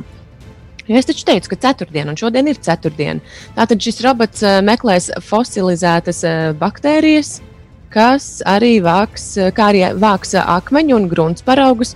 Šī ir jau trešā misija uz sarkano planētu, kas šomēnes ir īstenota. Tā kā cilvēki ir ļoti apņēmušies izpētīt eh, šo vietu. Kad viņus turēs? Par sastrēgumiem. Jā. Um, Mērķeļa ielā šobrīd ir jārēķinās ar aptuveni 5 minūšu kavēšanos posmā no Marijas ielas līdz Barona ielai. Stāv ielā arī neliels sastrēgums, tur 4 minūtes no Ādmeņa ielas līdz Valmieras ielai, un citās ierastajās sastrēguma vietās viss ir mierīgi. Protams, izņemot uz A8 posmā no Dabas līdz Jaunolēnai, tur jārēķinās ar 15 minūšu kavēšanos. Astoņi atgādina, ka visi esam lēni kustoņi. Bet tas būtu tik vienkārši aizsūtīt sunītu uz Marsu. Nu, vienīgais tad jāizdomā, kā dabūt atpakaļ, jo neviens negrib vairs tos pirmos kosmosa suņu likteņus. Ines, Un ca- mēs ļoti labi zinām, ka nevienu nevar dabūt šobrīd. Nav tehnoloģijas, kā dabūt jebko no Marsa atpakaļ. Ines, klausies! Kā tev šķiet, kāds būs vārds sunim, kurš tiks aizsūtīts uz Marsu? Meklē. Es nezinu. Tas jautājums Ines. Ines, kā sauks? Skaidrs, ka snikers. Kāpēc? Varbūt Tviks. Tad būs divi suņi. Saldais pārītis galu galā. Uldi, labrīt, raksta Viktors. Uldi, zini, kāpēc ir tā tur apskati svarīgi? Tāpēc, ka tie, kas braukā ar totālām miskastēm, ir pagodināti, ka viņu misanītis drīkst braukt pa ceļu. Jā, Uldim šito nesaprast. Nē, nē, nu man jau arī nav pirmā svaiguma mašīna. Bet... mm, Katram jau tā rocība ir tik liela, cik ir. Jā, Jānītam vajag robotu, kurš savāc visu drāzu, kur Ome sanes mājās. Man liekas, ka tajā apskatē ir diezgan konkrēts mērķis, lai nebrauc ar mašīnām, kuras nevar iziet apskati. Man patīk, ka mēs divas tēmas. Tu, tu pats uzvilki uz tām apskatēm, mēs par Marsa suni runājām. Tas būtu daudz vienkāršāk nekā robots. Robots tur jāvada. Marsa aizsūta suni, meklē. Viņš meklē. Tu to, ko vajag, nezinu, ūdeni, akmeņus. Mājas jaunas cilvēkiem. Marsiešus. David Bowie. Jej! Ir 7,48. Tomā Biksēs! Nu, sanāk, sanāk, sanāk, sanāk, sanāk. Sanāk, sanāk, sanāk, sanāk. Šodien Toms Biksēs relatīvi jauns stāvs mums. Tā reperis saka, stāvs. Nav, nu, nav mūzika, jauna ir stāvs. Jauns stāvs mums ir. Šodien dosimies mēs uz Marylandu. Uz Marylandu. Jā, kur uh, janvārī 22. 1990. gadā, jau sākoties dekādē, no kuras lielākoties nāk Tomu Bikšu mūzika, uh, piedzīves Sers Roberts Brysons Halls II. Nu, Būtu interesanti izpētīt, vai tas sers viņam tiešām nāk līdzi, tāpēc ka viņš ir atvasē britu augstmaņiem, vai arī, uh, jā, kur kādreiz nomigrējuši uz Marylandu, Amerikas Savienotajās valstīs, vai vienkārši viņam sers ir kā pirmais vārds. Varbūt tiešām ir katra. Un, ja tev, piemēram, Jānis Ziedants, tev dēls, tu gribēsi viņu nosaukt par Jānis Ziedants, varbūt tu viņam vari ielikt pirmo vārdu Sers Jānis Ziedants. Tas uzreiz paver kaut kādas iespējas dzīvē. Bet jā, Sers Roberts Brysons Halls otrais. Viņš ir tā riktīgi saaktualizējies aizvadītās nedēļas laikā, jo vakar mēs spēlējām vienu skaņdarbu no viņa jaunākās skaņu plates, un tas man lika nedaudz patīt kaseti atpakaļ. Un, Un, un paskatīties, no kurienes šis vīrs ir nācis. Logic ir viņa skatuves vārds, No Pressure ir viņa jaunā studijas albuma nosaukums. Kā jau teicu, šeit piecēlē aizkulisēs mēs esam lielā sajūsmā par to, kas šajā platē ir dzirdams. Un devos, devos pētīt, no kurienes tad kājas aug ā, popularitātei. Viņam esot bijuši forši. Forši mixtēji, par kuriem viņš piesaistīja pasaules vienu no svarīgākajiem uh, rapa labeliem, Def Jam Recordings. Viņu uzmanību uh, tos uh, mixtējus sauc Young Sinatra, bet tos neviens nav ne tīrījis, ne arī viņi tā uh, brīvi pieejami. Tāpēc nekas cits mums neatliks, kā ķerties klāt, nu, lai Toms Biksēs vismaz nu, kaut kādu tādu senumu piegaršu. Dabūtu Logic debijas platē, kur sauc Under Pressure. Tā iznāca 2014. gadā. Un interesanti, ka tā veido jauku tiltiņu uz Logic jauno plati, tātad par kuru mēs bišķi runājām vakar. Vakar no No Pressure es jums spēlēju gabalu, kur sauc Soul Food 2. Un uh, Soul Food 1, tas oriģinālais Soul Food, ir iekšā tieši šajā Logic lielajā debijā. Under Pressure albums, Logic un Soul Food Tombikses. Swear this music in my jeans like denim. Lyricism seeping them like venom. Yes, I know the flow hotter than Lucifer, even though heaven sent them. Spit it like holy water, prophetically repent them, then we gone. Šo uh, arī Toms Bikses baigi labās. Seram nav nekādas vainas, raksta Beāta. Loģika ir viens no foršākajiem jaunajiem reperiem, raksta Māris. Īpaši gribas at, eh, izcelt viņa atbalstu zinātnē. Zinātnes atbalsta balss repā. Tā teikt. Down on with the shade. Tas bija Toms the Ir bez piecām astoņi. Labrīt!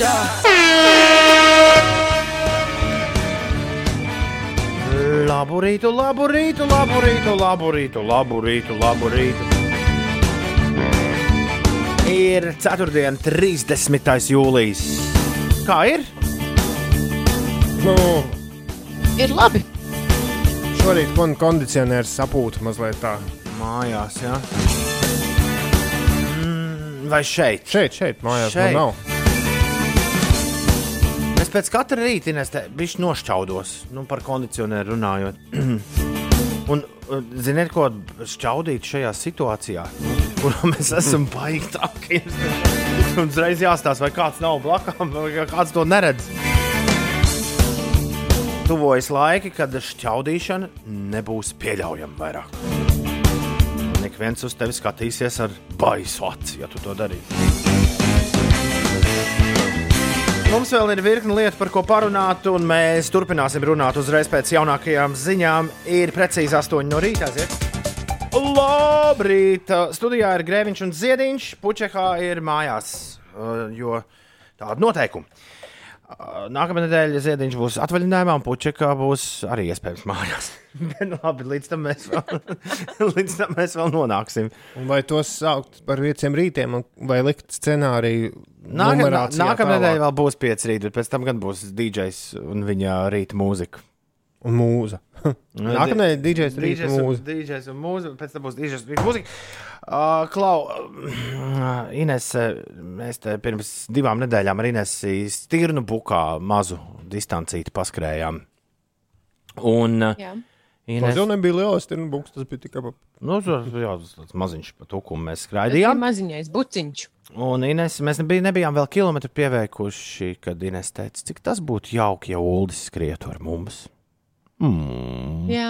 Un, eh, tiesa, viņš netika mums līdzi tagad. Ines. Nu, ja viņš tā pēkšņi izdomātu, ka es arī aizbraukšu uz Stīnu. Kā tu, tu to zini? Varbūt Uldī ir ne, apslēpts uh, Apslēpt, talants. apslēpts tīri. Man ļoti patika. Apslē- Apslēpts sprauns buciņš.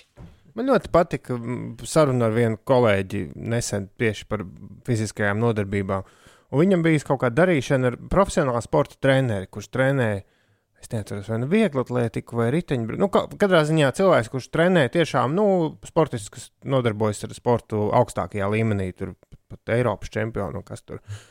Un, uh, Saruna bija bijusi par to, ko darīt. Nu, labi, man gan kolēģis jau stipri jau ir nesen nosvinēja 50. gadu, 50 dzimšanas dienu, bet viņš tā mm, iet peldēt katru rītu ziemā un tā, nu, cenšas kaut ko kustēties. Un runāja, nu, ko darīt tādam cilvēkam, kurš it kā sportu uz jūs, bet grib kaut kā turēt sev tonusā. Viņš uzreiz teica, galvenais, dieva dēļ, nesāc skriet.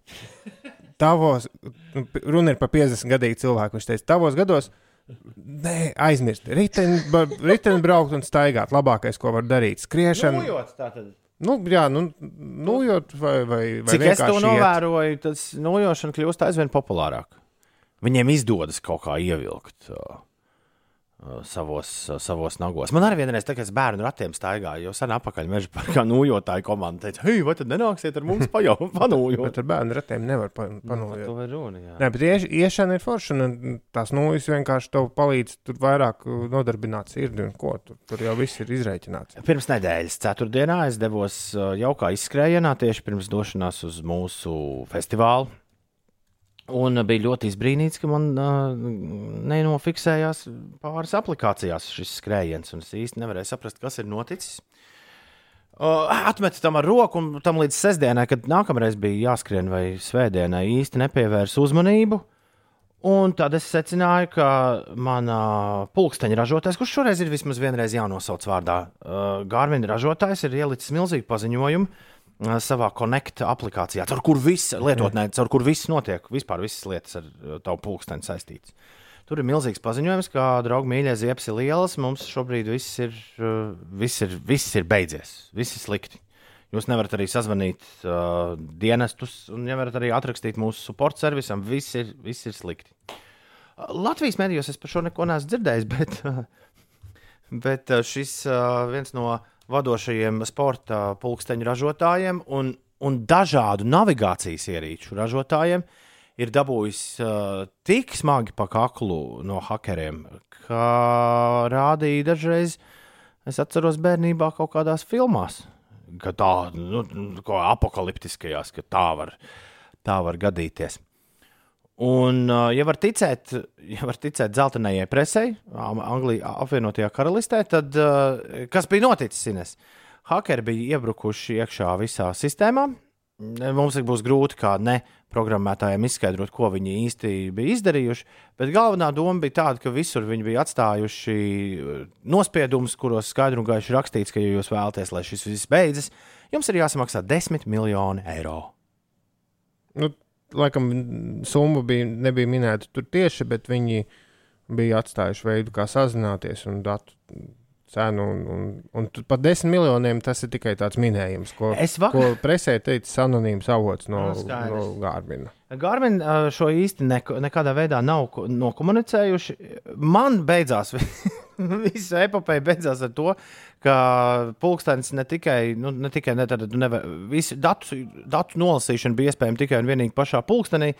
Bet uh, tajā brīdī, kad, uh, kad kaut kas uh, daudz maz atsākās, uh, mans pulkstenis bija pazaudējis jebkādu iespēju mērīt uh, nu, noieto vai noskrieto attālumu. Mm. -hmm. Viņš to vienkārši nedarīja. Uh, Kā rezultātā man bija smagais restarts un atpakaļ uz factory settings. Un, un tagad viss izskatās, ka ir labi un, un forši. Bet uh, vakar, aprunājoties ar maratonu ļaudīm, šie savukārt teica, ka kaut kur kādā fórumā ir lasījuši, ka nekas cits jau neatlika šai kompānijai, kā to naudu samaksāt. Jo, uh, jā, to es nezināju, ka Gārmina ir atbildīga arī par privātajām uh, lidmašīnām un, un viņu navigāciju, un arī par kuģiem, mazākām jahtiņām un, un, un, un, un tādiem izbraucamajiem. Un arī tas viss bija beidzies kopš pagājušās ceturtdienas. Oh. Vēl tāpat zelta avīze raksta, ka kaut kāda krievu, krievu hakeru grupējums esot pie tā Nu, to vainīgs. raksta visu arī, arī Forbes un vēl vis kaut kur. Ā, tā kā tas nav tik. Jā. Tā nav tikai dzeltenā informācija. Jā, un, un nu, nu, galvenais, ko raksta, ka, ja viņi tiešām ir samaksājuši, un viņiem īstenībā nebija variantu, tur kaut kāds, nu, kā anonīma avota ziņo, laikam ir bijis kaut kāds uh, laika, nu, deadline, kad, kad ap- draudēja izdzēst datus. Līdz ar to, nu, it kā ziņo anonīmi avoti, ka it kā ir tie 10 miljoni dolāru, un it kā arī ziņo, ka laikam, ir- laikam ka ir samaksājuši. Nu jā, un tad Forbes raksta, ka, ja tiešām ir samaksāts, tad ir nu, milzīgs risks, ka tas atkārtosies. Jo pirmkārt, tas dod stimulu nākamajiem, varbūt mazāk slaveniem vai veikli, veikliem hakeriem, Kuriem nu, šiem pro, profesio, pēc filmām profesionāļiem jau tad uzreiz tev vajadzētu iedot nu, pretī glītu vai ne? To atslēgu, ar Nu, ko jā, jā, to jā. visu izdarīja. Nu. Jā, bet tas nozīmē, ka šī kompānija tie dati ir tik dārgi, ka viņi ir gatavi maksāt. Un kāpēc lai to nemēģinātu vēl kāds? Madara prasa, kāpēc mans pulkstenis vēl joprojām nestrādā? Madara, tāpēc, ka tev ir uh, jāuztais uh, tas pats, ko es izdarīju. Un, un no modeļa uz modeļiem atšķiras. Bet, uh, bet viens no veidiem ir atgriezties atpakaļ. Un padara pulksteni tādu, kā tu viņu nopirki. Tajā pat brīdī. Un savus datus jau tu lietotnē viņi tur paliks. Jā, tā kā nu, cerēsim, ka, viss, ka, ka, ka, ka viņi tagad ir noalgojuši vēl labākus hakerus, kas tagad domā, kā izdarīt, lai ir tur viss super droši. Un nevar, bet nu, uzlauzt jau var, man liekas, ka visus. Ja labi grib. Bet, uh, jā, manuprāt, nebija gadījums. Jā, un nu, katrā ziņā, kā raksta Forbes, tad šis ir ļoti bīstams precedents. Nu, parasti ir pieņemts šādos gadījumos nemaksāt. Bet tas droši vien būtu nozīmējis, ka ne tikai skrējējiem, bet kā, kā, kā es arī, nu, kāpēc ne, nevēlties minēju mm, kuģus un, un lidmašīnas. viņu tas profils ir daudz plašāks par, Nu, jā. par entuziastiem, kas skraida turp šurp. Tu Ines nepamanīji, ka tev kaut kas nestrādā. Mm, tā kā jā, es neesmu dikti aktīvi tā Garmin visu iespēju lietotāji, tad eh, nē, nepamanīju gan. Jā, un rekur, tajā pašā Forbes rakstā rakstīts arī, ka nekur jau nav teikts, ka tie uzbrucēji neatstāja kādu, nu, kaut kādu mazu laika bumbiņu, kas pēc kāda laika atkal iedarbojas.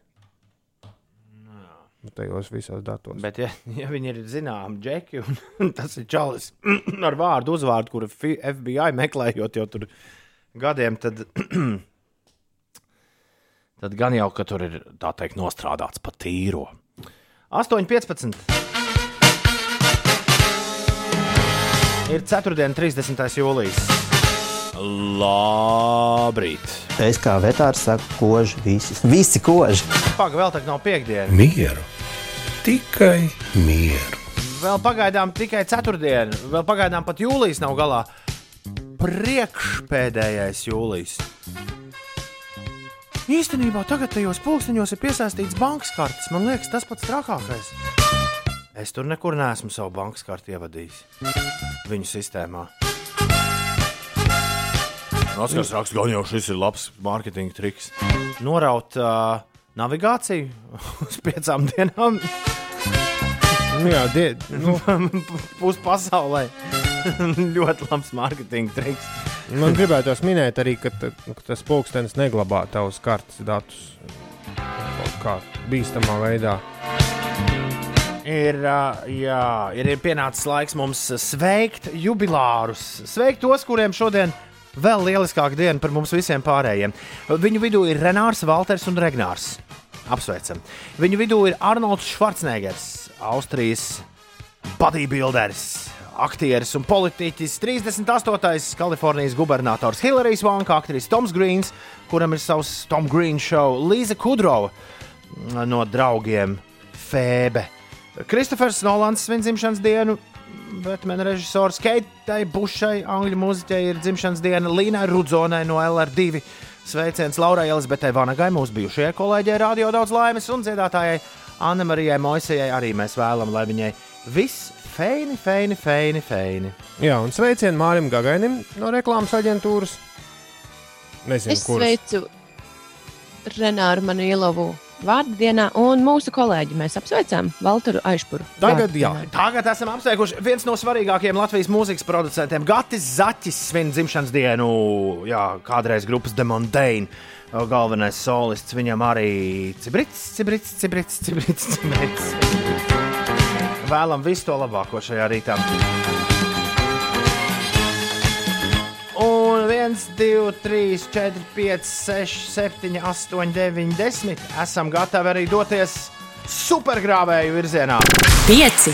Jums mums ir tumpas ir gaisā Oi, pa ceļi ej, te muzika tev maisa Tas nav gaus, kad abas par sakarā Ausmeņa ģē, te ir muna utra ģimeņa Gara acīm redz, kā Tūmis pacelts gaisā Ugras koncertā. 8 un 23. Tumis? Vai tumbis? Nu, Ā. ļoti daudz mūsu klausītāju domā, ka tumbis ir tumbis. Mēs nenolasījām, starp citu, Tumija šī rīta otro izziņu. Tumis rakstīja vispirms mums to, ka diena sākusies ar sarkanu luksaforu, ā, un viņam šķita, ka tā ir zīme. Taču turpinājumā viņš rakstīja, ka ticiet vai nē, pēc tam sekoja deviņi zaļie pēc kārtas. Un man liekas, ka no šī brīža tu vari sākt lasīt tumju izziņu, tā kā tā ulda ir jālasa. Es neesmu tajā. Tātad vēlreiz. Ticiet vai nē, pēc tam sekoja deviņi zaļie pēc kārtas. Uh, jā, un tad man liekas, var no, šī, no šīs vietas sākt veco labo tūmu ziņu lasīšanu. Divi apli bez pauzes. Viens ātrs sarkanais, vēl viens zaļais. Tā tad, ja pirmais sarkanais, tad turpmākais ceļš būs raids. Cerams, diena ritēs raiti pozitīvi, feinu dienu draugi. Tā mums Tomis raksta, kurš sūta ar Renzo vai Renzo sveicienu vārdas svētkos. Lai viņiem veicas, šodien svētki arī mūsu mīļajiem valčam, bučis no Dacītas un Vau, Vau no Stēlas. Vau, vau! Jā, un rekur blakus tūmija izziņai daudz bija rakstījuši par Bamboleo apgraizīto Ai, nu versiju, bet tā ir viņa paša iesūtīta. Ne, tagad ir no jauna. Tas garš stāsts, kāpēc tu ne, sen jau bija. Ah! Ah! Pilnīgi aptuveni. Ei, kas jums tur notiek? Aplējos ar tēju, Ines. Pilnīgi. Uh, es gribētu sveikt Runas Renāru vārdu dienā. Raksta kāds. Kāds uh, Krists. Kristis tā raksta. Un uh, Betija prasa, vai jūs varat lūdzu apsveikt manu topošo vīru Valteru vārdu dienā. Valter, turi Betiju cieši sev klāt. Kur jēga Ines, no tā, ka tas tavs pulkstenis skaita tavus soļus un cik kilometrus esi noskrējis? Cilvēki liek sociālajos tīklos lielīties tikai šito visu, Ingūns tā raksta. Cik noskrējuši? Kāpēc? Es kā futbolists daudz skrienu. Man arī tā vajag darīt. Nu, man, piemēram, skaita Nu, Ingūns Ingvar, nu, soļus. tu vari darīt, kā vēlies. Jā, un es ne- jebkurš cits cilvēks. Es, man skaita soļus, un es to nekur nelieku. Negribu, ne, neskaiti. Nu. Nav taču spiest lieta. 8, 26. Ines, kas notiek? Covid-19 pandēmijas dēļ ikgadējā Emīļa balvu pasniegšanas ceremonija Amerikas Savienoto Valstu pilsētā Losandželosā šā gada 20. septembrī notiks virtuāli.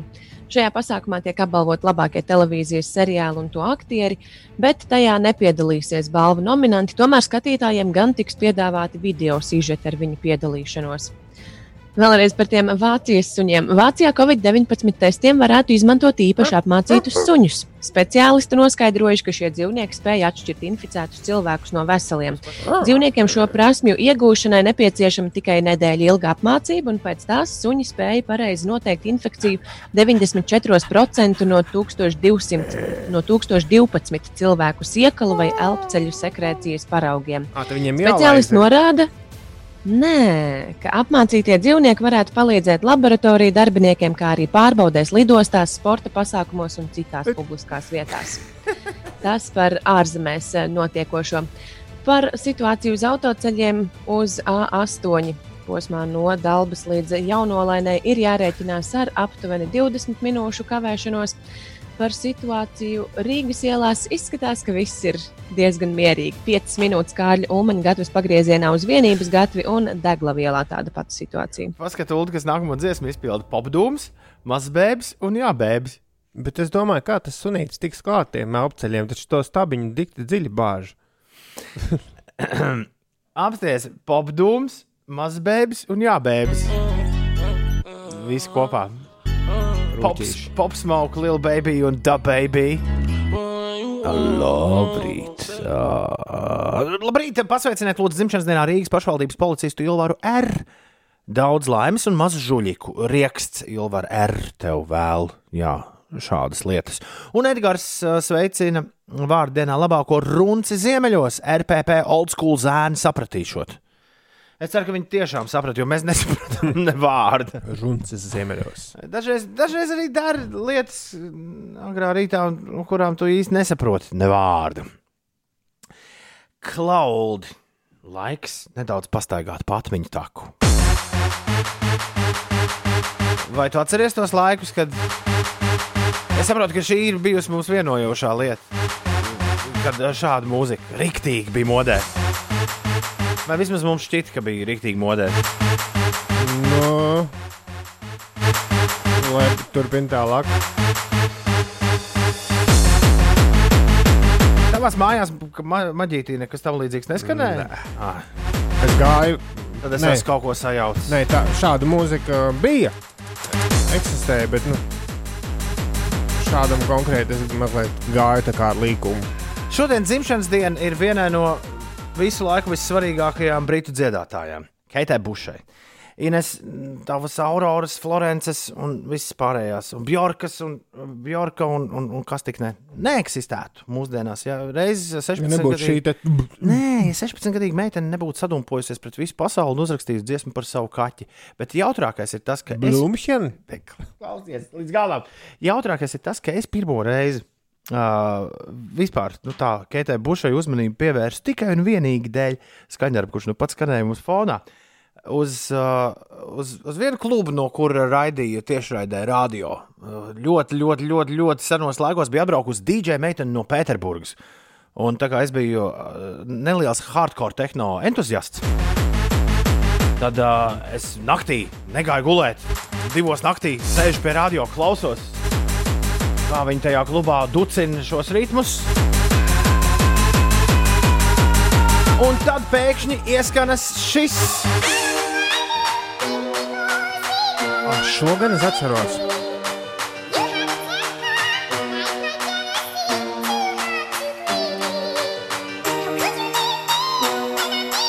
Tas, kas man patika uh, hardcore, bija tieši tas, kā šis ritms ar tādām ļoti, ļoti, ļoti aizraujošām melodijām. Nu, uh, disharmonē, ja? tā jāsaka. Tad pēkšņi notiek kaut kas, kam tu netici. Ka...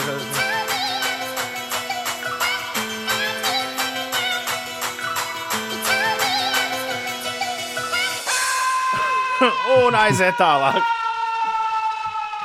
Man nebija ne jausmas, kas tas ir par dziedājumu, ko tur varēja izdzirdēt. Un tad pēkšņi kādā citā vakarā, jau pieaugušo uh, cilvēku radiostacijā, es izdzirdu šīs skaņas.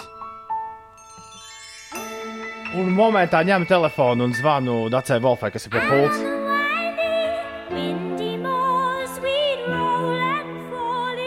Nācis šo, protams, gadījumu neatceras, bet es man liekas, katrā reizē, kad esam kādā saviesīgā sarīkojumā, viņai atgādina, kā es viņai zvanīju. Es prasīju, "Jo, kas tā ir, kas šī ir, kas dzied?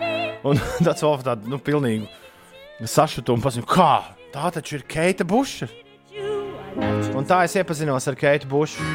Un, jā, viņa tiešām 16 gadu vecumā sarakstīja šo savu pirmo lielo grāvēju, Wuthering Heights, par eh, kaķīti, kurš viņai bija pazudis. Un tur viņa arī dzied, Keitija, come home.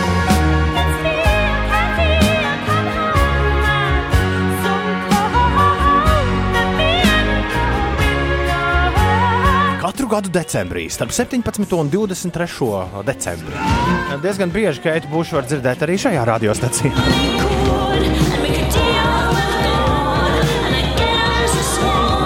Tāpēc man šķiet, ka neliels dzimšanas diena, Keits Bušas dzimšanas dienā veltīts uh, pārminūtes šajā raidījumā pa sliktu nenāks nevienam.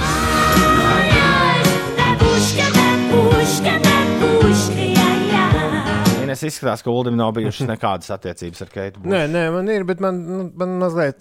Jā, nu es arī īsti nevaru komentēt neko. Man ir uz robežas starp patīk un kaitina. Ak, tā rekā. Kas tev tieši kaitina? Tas ir tas balss. Nu, jau tas vien, ka viena no dziesmām skan babuška. Nu, tas tā. jā.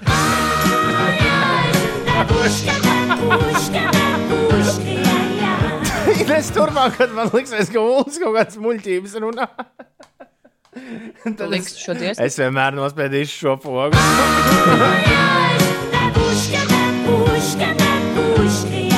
Man šķiet, ka viņai vajadzēja. Nu, viņai pietiek ar vienu skaņdaļu, to ar Pīteru Gabrielu kopā. Un viss, ko viņa pati ir darījusi, nu, kaut kā manā prātā netur tam līdzi. Es zinu, es šeit uz savām pogām varu tikai piedziet. Izlikt ārā, tas ir un izdarīts. Ah, nē, reti kurš no jums ir klausījies un, uh, viņas, viņas beidzamos darbus, jo viņi ļoti, ļoti reti kaut ko jaunu izdara. Apmēram reizes desmit gados, bet nu, tie tur ir, uh, tie ir absolūti vareni. 8,36 ir pareizais laiks. Paldies, Grēviņ, ļoti foršs stāsts. Tagad arī man Keita Buša būs ar stāstu. Viņa Keita raksta ar K, nevis ar cati. Uh, kaut ko šādu kopā ar DJ Monstu miksējām 90. gadu sākumā uz kasešnieka ar ātrumiem pie manis imantā dzīvoklī. Raksta Oskars. Top, top, Tas tuc, bija tuc, jā. Jā, sapratu, tas vēl nav beidzies. Nu, viņš man tur fonā visu laiku. Tajā laikā bija ļoti daudz, nu, ļoti gari tie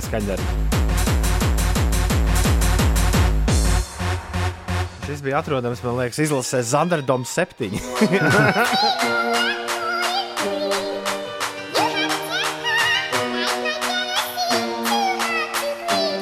Un nesmējieties, man ir dažas pilsētas Nīderlandē, kur šis joprojām, šis joprojām ir modē un nekad nav beidzies.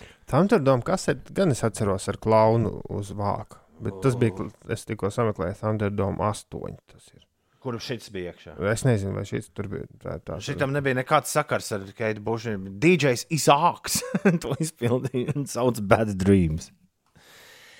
8,37. Tas visdīvainākais ir tas, ka tās visas kasetes ir šobrīd pieejamas visstraumējošanas servisos. Un kādā dienā, kad tu izdomāji iet pa atmiņu taku, tā Lulā! Re, kur ir? Zinēs! Pastāst mums, kas tad notiek? Jā! Latvijā rietumu, dienvidu rietumu vēju brāzmās pastiprināsies līdz 13, 18 metriem sekundē. Debesis lielākoties klās mākoņi, daudz vietā brīžiem gaidāms lietus un vietām iespējams arī pērkona lietus gāzes. Gaisa temperatūra nepārsniegs plus 16, plus 20 grādus, un galvaspilsētā saule spīdēs maz, dažbrīd gaidāms lietus, un šeit gaisa temperatūra tikai plus 18. Vēl par to, kas eh, notiek. Uh, No šodienas līdz 1. augustam pie jūras pilsētā Rojā norisināsies pirms vairākiem gadiem iedibinātais kino, mūzikas un mākslas festivāls Royal. Un par sportiskajām aktivitātēm Igaunijas Latvijas tenisa izlašu turnīra Merkskaus otro sacensību dienu atklās ar Kājas Kanepiju un Anastasijas Sevastovas dueli. Tas notiks pulksten 11. pa dienu. Kā nākamajā laukumā dosies Kārlis Ozoliņš un Jirgens Zofs. Savukārt pulksten Zops. 6. vakarā sāksies Zops. Zops. Savukārt Zops. pulksten 6. Sešos vakarā sāksies ceturtdienas sacensību otrā daļa. Un, um, tur pirmajā mačā tiksies Latvijas izlases līderis Ernests Gulbis un Vladimirs Ivanovs. Un dienas piektajā mačā tiksies abu valstu pirmās raketes sievietēm Aļona Ostapenko un Anete Kontaveita. Kurā sporta veidā ir gan zops? Kā tu domā, ja es runāju par Ernestu Gulbi, um, okay. Anastasiju Sevastovu un Aļonu Ostapenko? tad, tad, kad viņš izkrīt ārā no turnīra, tad viņš loģiski ir izkritis zops. Nē, nē, bet Simt punktu futbols. ja viņš saplēšas ar konkurentu, tad iespējams viņi var noraut no piedestāla un tad presē raksta noraut zops. Zops. Varanās prātīgi joki. Jā. Es sēžu Ines- mājās un aplaudēju. Ines, es vairs neko nekontrolēju. Mēs dzirdam. Nekontrolēju, jo es tikko sarēķināju, man ir 192 minūtes un 20 Zobi? sekundes. Nē, es, nē. Jā, būtu jau labi, te varētu vienkārši mest ārā pa vienam Man nevis liekas, es, bū, es būtu noģības, ja tāda būtu noraut. Nē, nē, es domāju, mutē, kā tev rezervēji. nu, kā tu ieliec vietā? Uh, nē, man ir 190, nu jau divas minūtes precīzi līdz atvaļinājumam, trīs nedēļas. 192, Hmm. 190. Un es, kāpēc man un Inesai tas īsti nekādas emocijas neizraisa? Tāpēc, ka jūs neesat labi Bet, kolēģi. bet klausies, Ines, Ulas ir paņēmis vienlaicīgi ar Everitu, mūsu pastāvīgo klausītāju atvaļinājumu. Viņai arī tūlīt sākas Un atvaļinājums. ar vēl vismaz diviem klausītājiem, kas rakstīja pirmajā stundā. Tu tomēr to Nu, labi. pateikt? Es nezinu, es nezinu. Tur dabūs pa zobu. Uldim ir drons, ar ko lid, lidināties. Ā, pareizi. Ko viņš darīs atvaļinājumā? Mieru. Tikai mieru.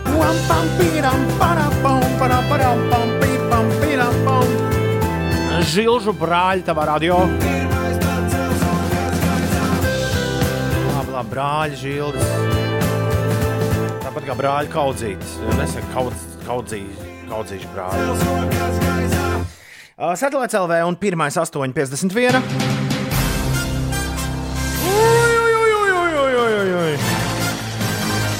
Tas šorīt gribētu teikt.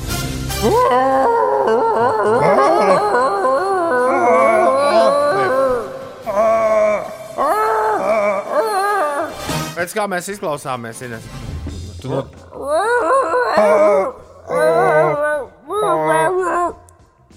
Ines, ko tu? Es neatradu īsti vārdu, ko es varētu rādīt. Man liekas, ka es varētu labāk, bet ir jātrenējas, un diez vai eterā to vajag darīt. Nu, jā, Ines. Nu, Ines, kas tas tāds ir? Un kā mums sanāk? Mm. Pieņemsim, ka jūs esat tas čūbijs no, no zvaigžņu kariem. Ines! Šodien ir visiem veiksmīgā diena. Tu esi trāpījusi pilnīgi pareizi. Mēs, O, ja? jā, mēs nedēļas sākumā kaut ko runājām par dežu vu. Nulles ir pilnīgi pārliecināts, ka šādu viņš piedzīvo arī šobrīd. Jo vēl pavisam nesen mēs jau stāstījām par kādu izjaukošanu, kurā Nu, tā Ulim šķiet, mēs nestāstījām. Bet Ulim šķiet, ka mēs stāstījām par izjokošanu, kuru aicināja automātiskajā atbildētājā ierunāt zvaigžņu karu spēlēnā varoņa Čubaka, jeb zelēkļa, kā daži to tulkoja latviešu rēcienu. Un pameklējot internetā, tiešām Čubaka Roar Contest ir jau vismaz pāris gadus vecs joks. Jau uh, pirms diviem gadiem kāds asprāts bija izlīmējis sludinājumus ar kolēģi telefonu numuru, kurā, lai laimētu 100 dolārus, bija jāierāc Čubakas rēciens. Nu, tā kā jāpiezvana, jā. Un visiem ir, nu, tur Amerikā automātiski atbildētāji, tāpēc pēc pīkšķiena viņam vienkārši pasaka. Tagad pasaules ziņu portāls apskrējusi ziņa, kur šo čubakas rēcienu konkursu joku ir izmantojis Pikts Čalis, lai atrieptos bijušajai draudzenei. Dāma vārdā Jessica no Cairns, Austrālijā, kādā jaukā dienā pēkšņi sākusi saņemt dīvainus telefonu zvanus visdažādākajās diennakts stundās. Un tajos Ines atskanēja apmēram šādas skaņas. A prize for the best one.